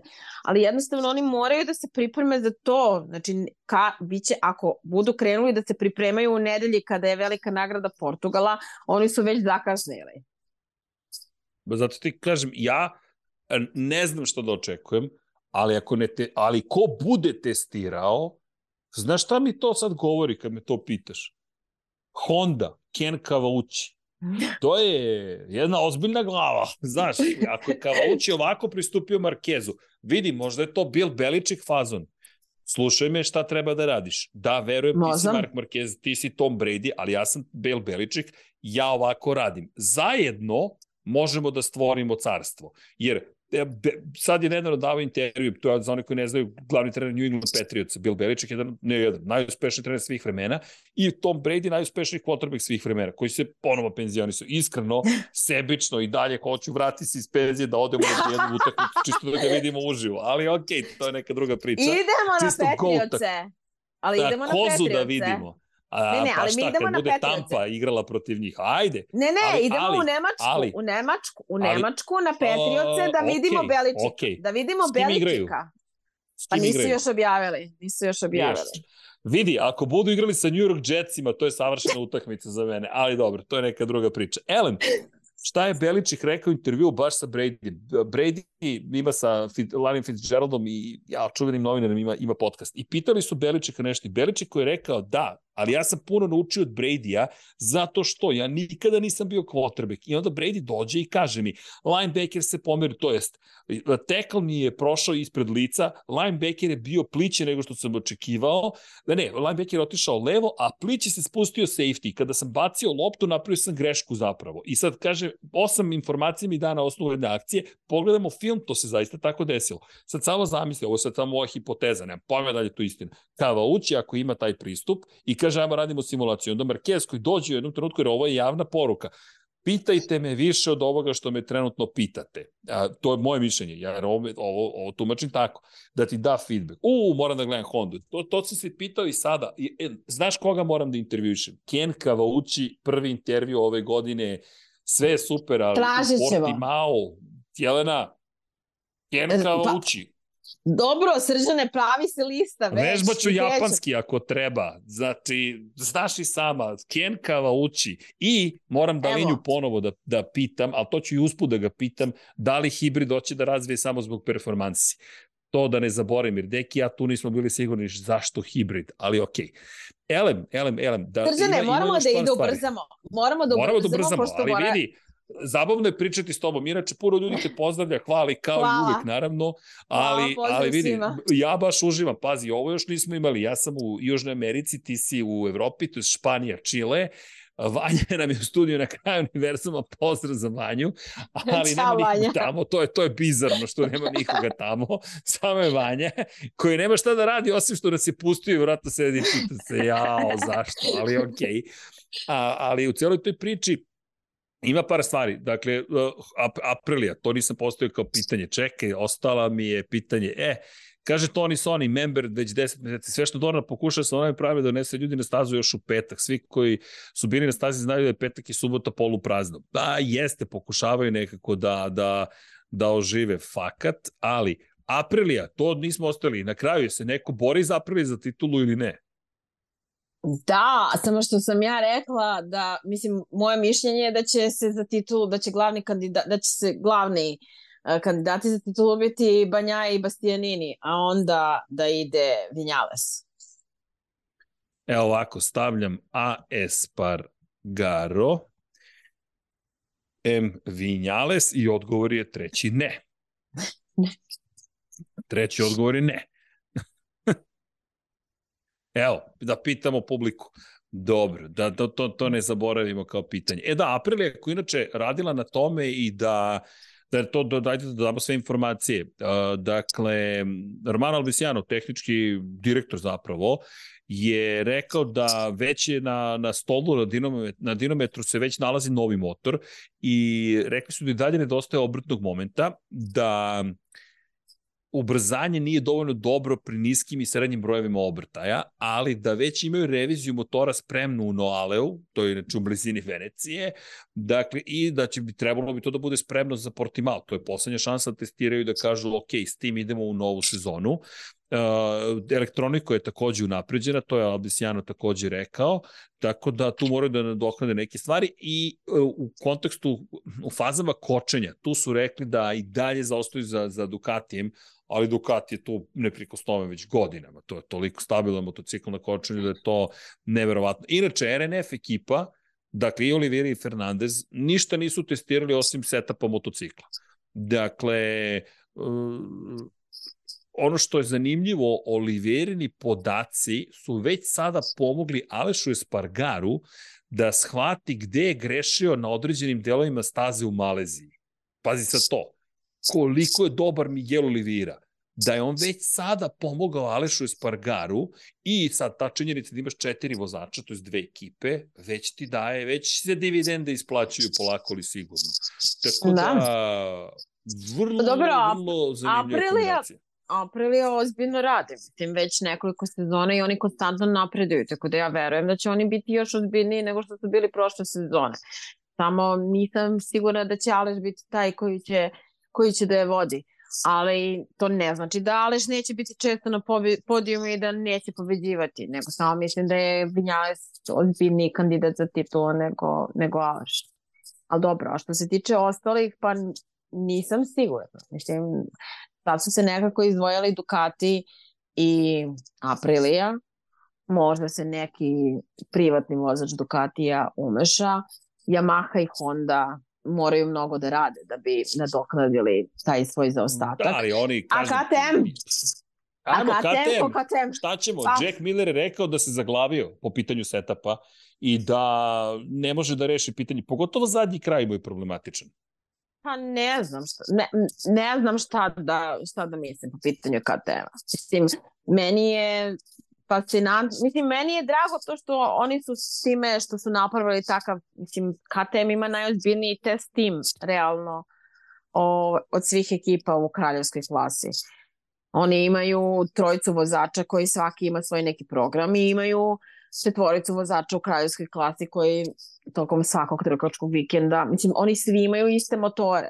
Mislim, jeste, samo što će verovatno ovi u fabričkom timu uh, ranije dobijati unapređenja. Da, da, to, to, to su i rekli. To su svi, to su svi isti Pazi, motori. prvo Brad Binder razvija motore. Ko bude bolji u šampionatu, dobijaće delove. E sad moramo da pitamo, pita Bayer i generalno Jerveja Ponšarala, da li to znači između sve čet, sva četiri vozača KTM-a, to je KTM-a i Gas Gasa, ili KTM je sada priča za sebe, Gas Gas je priča za sebe. Tu, to mislim da je va, mnogo važno pitanje. Znaš, Pa, jer šta, mislim da su oni rekli- najbolji vozač od sve četvorice? Pa, Ko dobija prvi mislim- delove? Ali to neće biti iznenađenje ako se, to ne, ako se tako nešto desi. Mislim, to bi moglo da dovede i do nekih pomeranja. Mislim, pričao si o toj filozofiji koju ima KTM i da je slično kao Red Bullu. Mislim, ja ne bih zanemarila činjenicu da postoji mogućnost, ne znam, da Pole Spargaro bude na podijumu pet puta i da, a da Binder i Jack Miller ne budu i da bude nekih pomeranja da da Pole Spargaro bude Da, poslat u Jeco, ali tim. da li onda delove daješ gas gasovom vozaču? To znači da Red Bull kao sponsor ne dobija nove delove, to znači da KTM kao robna marka ne dobija nove delove, nego da potpuno neki drugi sponsor sa markom koja se zove Gas Gas dobija tvoje nove delove i povećava šansu da pobegne KTM-ovim vozačima. Pa oni se boje, A? oni se boduju, ali da, ali oni se kao konstruktor bode, boduju Kao KTM-om. konstruktor da, ali znaš šta ide na, na, na, na medijske fotografije i šta ide kao, ako si ti na pobjedničkom postolju kao Gas Gas koji god po- sponsor da bude. Pa, znaš Znaš. šta, s obzirom da je i jedno i drugo u okviru kompanije, e, ja ne vidim tu problem, ali to sam ja. Tako da nisam sigurna, mislim, delom sam Austrijanka, nisam potpuno Austrijanka da bih ti rekla kako ljudi, kako ljudi u KTM-u baš razmišljaju, ali pitaćemo ih, mislim što da ne. Tako da, da ne znam. Pa eto, imamo li još pitanje. nešto, imamo li još Koliko nešto, ima? nešto da A evo prođemo? koliko hoćeš, ali vreme je da idemo polako da spavamo. To jest ja Pa, da spavam, meni je ovde da ideš. 19.49, ali, ali, ali ali vreme da deca te- idu u školu, deca, deca idu u školu. Ja s tobom mogu da pričam satima, mislim četiri Ma. dana smo bili zajedno i nismo dosadili jedno drugome. E da, to je uspeh, pazi. Da, ba, e, nismo bili loši, mogu ti reći. Da, tako da ovaj, samo moram, znaš, već sam se prebacila na ovaj ritam života u Španiji, tako da i, meni je vreme uskoro za spavanje. Evo, idemo E, na ali- spavanje, dođi da se Idemo javiš. na spavanja. e, ali, ali vidi, ali ima jedna bitna stvar samo. Mnogo ljudi pominje Pedra Kostu u kombinaciji sa Hondom Da. pa sa KTM-om. Uf, Pedro ne, ne. Costa, fakat. A, pa, ne znam. Mislim, e, mnogo toga će sledeća sezona, mislim, odrediti. I budućnost Marka Markesa i, i put Honda i, i Akostin put. Mislim, ja ga u ovom trenutku ga ja vidim kao nekoga ko će, ko će otići u KTM. Da, ko, to jest, Ne, ko on će mora. On- ostati, on ko ima će trogodišnji ostati-. Da, da, ko će ostati u KTM-u i ko, će, ko je neki predvodnik nekog novog talasa ali kako se zove, vidjet ćemo šta će na kraju ovaj sezone biti. Mislim, tokom ove sezone će biti, svakako. Ja njega vidim u, u kraljevskoj klasi 2024. Samo što je pitanje koje mesto će se otvoriti. Mislim, Pa ne, vidi, čije mesto? 20, 24. on mora da dođe ovako. A ima čije? ugovor sa njim u kojem piše MotoGP. Je Ali li to čije? mesto Breda Gde? Bindera? Je li to mesto Jacka Millera? Je li to mesto Pola Espargara? Je li to mesto Augusta Fernandeza? Hoćeš ja da To. ti kažem ko leti iz te priče, nažalost. Uh, pa ja bih rekla da tu leti Brad Binder, ali U, stvarno? U, ovo isto mora se sačuva. Ho, ho. Mislim da Ja. njemu malo ističe vreme. Mislim, ma Pa, koliko pazi, te njegove pobede Ali da dalje se... veruju u njega. Baš veruju u njega. Zanimljivo. Pa verujem e, i baš ja. me zanima da li će se Mislim, to desiti. Ja mislim da će i ja. Augusto Fernandez da dobije izlaz, ali, nažalost, zato što mislim da Ali. je vrlo talentovan. Ali, pazi, ovo nije nemoguće što si rekla, ali vidjet ćemo, možda se desi sa Jackom Milleru scenariju Jean Zarko, ako se tu ne poklope kockice. Ajde sačekamo, jer vidi, i Pedro Acosta, ukoliko osvoji titulu, raste cena, rastu spo, pregovaračke sposobnosti i, i, i, i poluge koje on ima u svojim rukama. I Da će onda kaže, važi, idemo u gas gas, ili će reći, ne, hoću Red Bull KTM. Pa to je pitanje. Inače, to je samo ono da, samo da pomeranje koje napomenem. smo pomenuli i ranije. Znaš, i Paul Espargaro, da li će da Tako bude je, u gas tako gasu, da li će da bude u fabričkom timu. Da li će, mislim, Jack Miller, ako mu ne, ne bude išlo, on vrlo lako može da se vrati u neki privatni tim Ducatija. Mislim, ja, Tako ja to tako vidim. Pa Pramak će ga, ja mislim, uvek zvati. To je moj Pa. utisak. Da, da, da, I da bi ga Ducati voleo, jer u Pramaku on može da Ali- testira, povremeno bude dobar i podržava Banjaju. Podržava A ne možda- na stazi, nego u smislu moralne podrške. Ali možda je za njega bolje mesto Gresini. I samo da napomenu, uuu, dopada mi se, dopada mi se, u pravu si, u pravu si. Inače, Ivan Obleščuk kaže, niste spomenuli Rinsa kako on izgleda na Hondi. Jesmo. Jesmo, pričali Rins smo. Na Hondi, rekli smo, to je taj outsider, underdog, u nisi u fabričkoj ekipi, a imaš isti motocikl, pri čemu ima odličan tempo, ali Rinsova najveća mana ostaje brzi krug u kvalifikacijama. Ostaje Da. i dalje to. Honda tu inače nije dobra, a on pride uvek tu posrne. Uvek tu posrne. I ako to ne reši, ove sezone teško možeš nešto da tražiš u, u, u Moto Grand Prix. Bilo u sprint trci, bilo u glavnoj trci, ako ti nisi se dobro kvalifikovao. D- Q1, to jest prva tri treninga postoji baš dramatično važni. Da. Ali dobro. Elem, Ništa srđane, moramo da Eto, se opraštamo moramo da se opraštamo. Šta da ti kažem? Hvala ti, kao i uvek zadovoljstvo pričati Hvala što si me zvao. O, ma ne, ne, ovo je tek početak. Ja se nadam da se ove sezone družimo mnogo češće. Konačno družit ćemo se sigurno ti ja mnogo češće. Čeka nas dosta trka. Pazi, lepo smo otvorili s Madonom di Campillo. Bilo je uzbudljivo. Nije se pojavio šatl, iznajmio Ali automobil. nećemo, vozi. nećemo da otkrivamo sve. Nećemo da otkrivamo sve gde idemo. Samo otkrivamo da, Da, smo još. sigurno u Portugalu i da smo sigurno u Valenciji. Pomenuo si već Nemačku, To, to, ali to, to, to, ostalo, to. Ostalo Ne, ne, ne, ne bude daj, malo tako. ajde, to je malo fleksibilno, pošto ni, ni ne, ne znamo 100%, možda ćemo i menjati u zavisnosti od toga kako se bude razvijala sezona, ali ukoliko sve bude kako smo želeli, planirali, dve trke posebno će se izdvojiti. O, Da. jedva čekam. Da, Pratite, ali prvo Portugal. Jelenu. Ali prvo Portugal. Prvo Tako Portugal. da- Pratite Je- Jecu Zvezdicu na društvenim mrežama, pratite je, bit će, ja se nadam, i sve češće u Lab 76. Ove godine se baš dosta družimo, a kada govorimo o, o sezoni pred nama, naravno, Ono Deki Potoljak moram- koji je trenutno vozač u pripremi. Oh, kaži, kaži. da. Ono što moram da kažem da se nadam e, da ćemo ove godine imati i ono što smo radili u Brnu e, 2019. a to da ćemo imati e, malo isključe, uključenja iz pit lane-a tokom trkačkih vikenda, pošto nam je plan to da Da. radimo da to malo radimo na onim trkama koje, do kojih je malo lakše doći kolima, to je zato što zbog opreme koja, koja je potrebna za tako Evo nešto. mene zezaju, kaže, Srđan ostaje do Termas u, u Argentini. Dakle, Ne, ja ću ne, ne, kolima ne. do Argentine. Ne, ne, ne. Mora u Portugalu da se pojavi na otvaranju sezone. Znači, neće, ruku. neće sezona početi bez njega, ljudi. Tako da, znači, na stranu ja, na stranu snimatelj ili džanki, bez srđana će vozači reći da neće da voze. Tako da, šta da vam kažem. E, ništa, ja vas pozdravljam iz Siđesa, a, čućemo se svakako, a, vidimo se uskoro, sezona je samo što nije, evo, odbrojavamo, još koliko nedelja? Pet, je li toliko? Tako je, još malo, još, Još- malo. Još malo, ali dobro, formula počinje za, ovaj, za dve nedelje.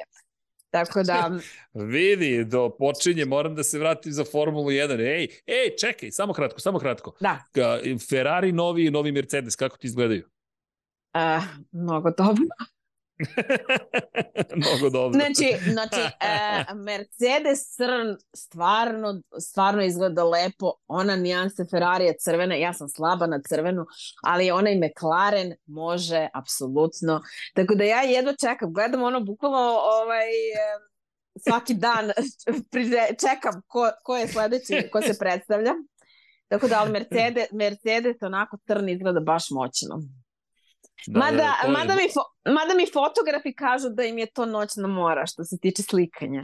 Ovaj, pa Da. kukaju zbog toga. Jeste, ali... ali- zato tehnički direktori vole što je manja težina. Ali moram Pa ti da. kažem, pre 8 dana u Lab 76 rekli smo Mercedes ove godine 100%, nisam rekao 100%, ali sam rekao imam osjećaj da će biti crn ove godine. Pa, I i, bum, pa bilo je crni. jasno. Pa bilo je jasno. Mislim da će A? se da... Jel ti se videlo između redova? Da, Da, pa kako me- su idu ka tome. Sve su nagoveštavali. Mislim, pogledaj im postave na društvenim mrežama kako su Da, izgledali. i- isto sam rekao, isto sam rekao. Tako da, sad stvarno moram da odem, e, jer deca stvarno moraju da spavaju i ovo je nedelja Tako je, e. karnevala, karnevala, Opa! tako da svako jutro se svako jutro se maskiramo. Tako da, a u nedelju je glavna fešta, tako da svi idemo maskirani na, na karneval. Tako da uh, kačit ćemo slike na društvene mreže. Uživaju u karnevalu, šta drugo da ti kažem. Baš. A ja ću da pozdravim sve sve. naše patrone ostale. Ćao, Jeco, hvala ti. Ćao. puno. Ljubim te, Ćao. bolje dobro. Pozdrav, deca. Ćao! I odrasle, čao.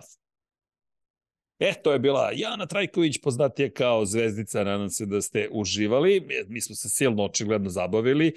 I eto, imate još malo vremena, glasajte da li neko iz Aprilije se bori za titulu i ko. Aleš Espargaro 28%, Maverick Vinales 24, 47% kaže ne. Dakle, ali ajde, vidjet ćemo. A što se tiče Formule 1, nemojte zaboraviti, Formulu 1 ćemo ispratiti podcast sutra, pa i ja. Deki će biti na putu ili u snu u, u kamper, u kamper prikolici na stazi Grobnik, tako da da će biti to ti jedna vrlo, možda nam se uključi iz kampera, jao, ni sam nije svesna šta mi je sad palo na pamet, da zovem deki i kažem, ajde lepo iz kampera da se uključiš kao trkač sada na podcast o Formuli 1.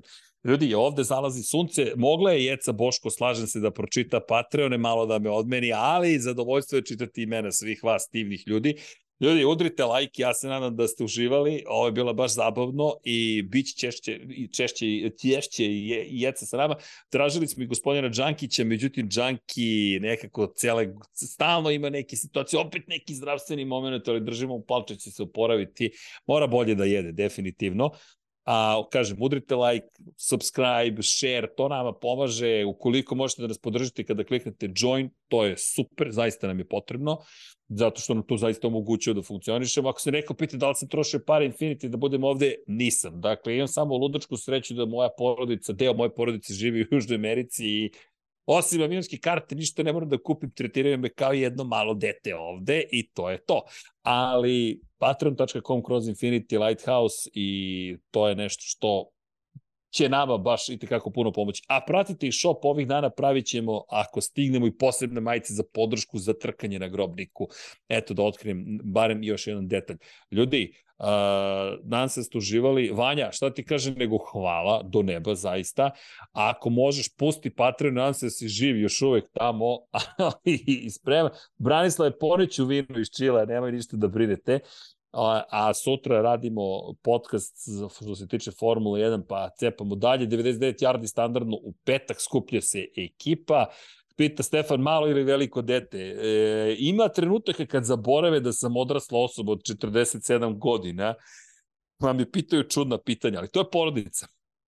I volim je i obožavam je i tako. Ljudi, uh, ajmo da se polako pozdravljamo, čitam imena svih Patreona i članova YouTube, YouTubera, štampamo sutra folije, ako stignu na vreme u grobnik, svi ćete biti i na automobilu. Tako da, ko se večeras učlani na Join YouTube ili sutra u Patreone, još ima šansu da se pojavi na automobilu. Odmah sada na lagano čitanje svih divnih imena, svih divnih ljudi. Svi ste divni, ali ovo je jedna posebna ekipa koja nam takođe daje gorivo da funkcionišemo. Jelena Mak, Marina Mihajlović, Mladen Krstić, Aleksandar, Milan Nešković, Optimistik Josh Allen Fan, Petar Relić, Darko Trajković, Kristijan, o čekajte, pobeže mi, Vanja, nisam video Zoom, Nikola Grujičić, Filip, Možemo nazad, Petar Relić, Milan Nešković, to optimistik Josh Allen fan, hvala Vanja, Petar Relić, Darko Trajković, Kristijan Šestak, Dorijan Kablar, Nikola Grujičić, gledao sam chat, izvini, Filip, zatim Igor Vučković, Jasmina Pešić, Zoran Cimeša, Branimir Kovačev,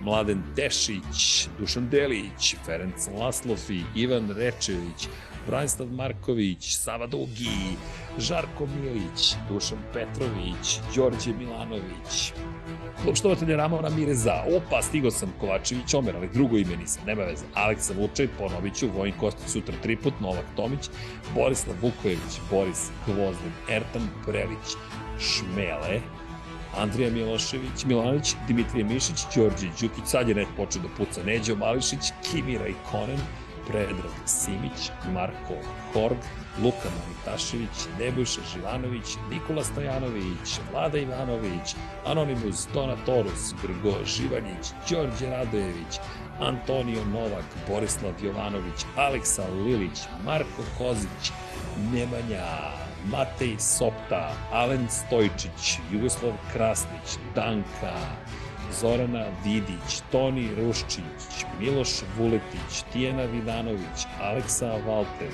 Marin Tunović, Danijela Ilić, Ivan Cigir, Lazar Pejović, Andrej Božo, Stefan Lešnjak, Andrija Todorović, Bojan Markov, Bojan Mijatović, Mihajlo Krgović, Jelena Jeremić, Nikola Božinović, Živojin Petković, Dejan Đokić, Marko Petrikanović, Boris Erceg, Branislav Kovačević, Matija Binoto, Luka Martinović, Marko Ćurčić, Đurđica Martinović, Đole Bronkos, Zoltan Bezeji, Anonimus Donatorus, Da žena ne sazna, Stefan Milošević, Aleksandar Antonović, Branimir Rijavec, Safet Isljami, Vladimir Petković, Miloš Dosadljević, LFC, Emir Mešić, Stefan Vidić, Ivan Simeunović, Nenad Đorđević, Boris Golubar, Miloš Todorov, Branko Bisački, Josip Kovačić, Ognjen Marinković, Veselin Vukićević, Salim Okanović, Miroslav Cvetić, Ivan Maksimović, Goša 46, Stefan Dulić, Vladimir Filipović, Bahtiran Durmanov, Nikola E, Crnogorski džedaj, Aleksandar Jurić, Marko Mostarac, Matija Rajić, Zoran Šalamun, Sead Šantić, Jelena Veljković, Nemanja Miloradović, Boris Kulundžić, Zoran Majdov, Ivan Toškov, Borko Božunović, Žigi Bau, Alen Vuletić, Ivan Milatović, Žorž, Ivan, Andreja Branković, Stefan Vuletić, 352, Nenad Simić, Zagorac, Đole Čizhead, Bojana Majstorović, Dejan Vujović, Aca, Vizla, Miloš Banduka, Marko Kostić, Jesenko Samorđić, Vukašin Jekić, Mario Vidović, Luka Savović, Nikola Milosavljević, Veselin Vukićević, Uroš Čuturilo, Hrvoje, Koja 7, Mensur Kurtagić, Uroš Ćosić, Petar Jelić, Branislav Dević, Jelena Jeremić, Ivan Magdelinić, Anonimus Doratorus, Vukašin Vučenović, Nemanja Miloradović, Milanka Marulić, Kosta Berić, Vesničanin, Vladan Đurić, Dejan Janić, Oliver Nikolić, Maxi, Din Stero, DJ Regi, korespondent, korespondent, Vuk, Ivan Hornjak, Bojan Markov, Đorđe Janjić, Ivan Božanić, Toni Soni 76, Krolobi 00, Ljenjana Milutinović, Tole Ador, Nikola Vulović, Almir Vuk, Ivana Vesković, Aleksandar Nikolić, Marko Stojilković, Igor Ninić, Bojan Bejković, Marina, Milan Knežević, Aleks Vulović, Aleksandar Kockar, Vlada Ivanović, Marakos, Bakadu, Almedin Ahmetović, Nikola Niksi, Drago Veković, Nemanja Bračko, Bojan Gitarić, Nemanja Cimbaljević, Saša Stevanović, Galeksić, Nikola Kojić, Igor Ilić, Nikola Grđan, Ivan Vincetić, Nikola Božović, Milorad Reljić, MS Trotin, Miloš Stanimirović, Miloš ZDLFC, Alen Jesenović, Moča Pero, Ivan Vojosinović, Sejdo Mojčić, Tatjana Lemajić, Zlatko Marić, Aleksandar P, Pavle Lukić, Nemanja, i osjećaj da je Nemanja poslednji. I samo sam ja tu, tako da ću samom sebi da kažem ćao svima, to jest ne samo Vanja, hvala, hvala ti što si izdržao, prošla je ponoć ponovo, Ljubim vas sve, šaljam pozdrave, mazite se, pazite se, grlite se, budite dobri jedni prema drugima. Pozdrav ekipu u studiju na kraju univerzuma i što da vam kažem, budite like, budite dobri, lepo spavajte i vidimo se koliko sutra, ukoliko ovo gledate direktno, a koliko ne, pogledajte koje još vide i možete da nađete na Infinity Lighthouse i YouTube kanalu ili u našoj prodavnici shop.infinitylighthouse.com što se tiče knjiga i dukseva i majica i kačketa i kapa, ima svega, ima i jakne stižu, tako da zabavljamo se. Hvala vam još jednom. Ovo je tek početak sezone, pred, prvo predsezonsko testiranje gotova, stiže naravno priča uskoro iz Portima i predsezonsko testiranje i predsezonsko testiranje i idemo na trku Portimao da otvorimo sezonu, a što se tiče Formule 1, tu smo pa ja, možda i deki iz kamper prikolice, to jest tamo negde sa staze. Uživajte ljudi, lakav noć, budite dobri i ćao svima!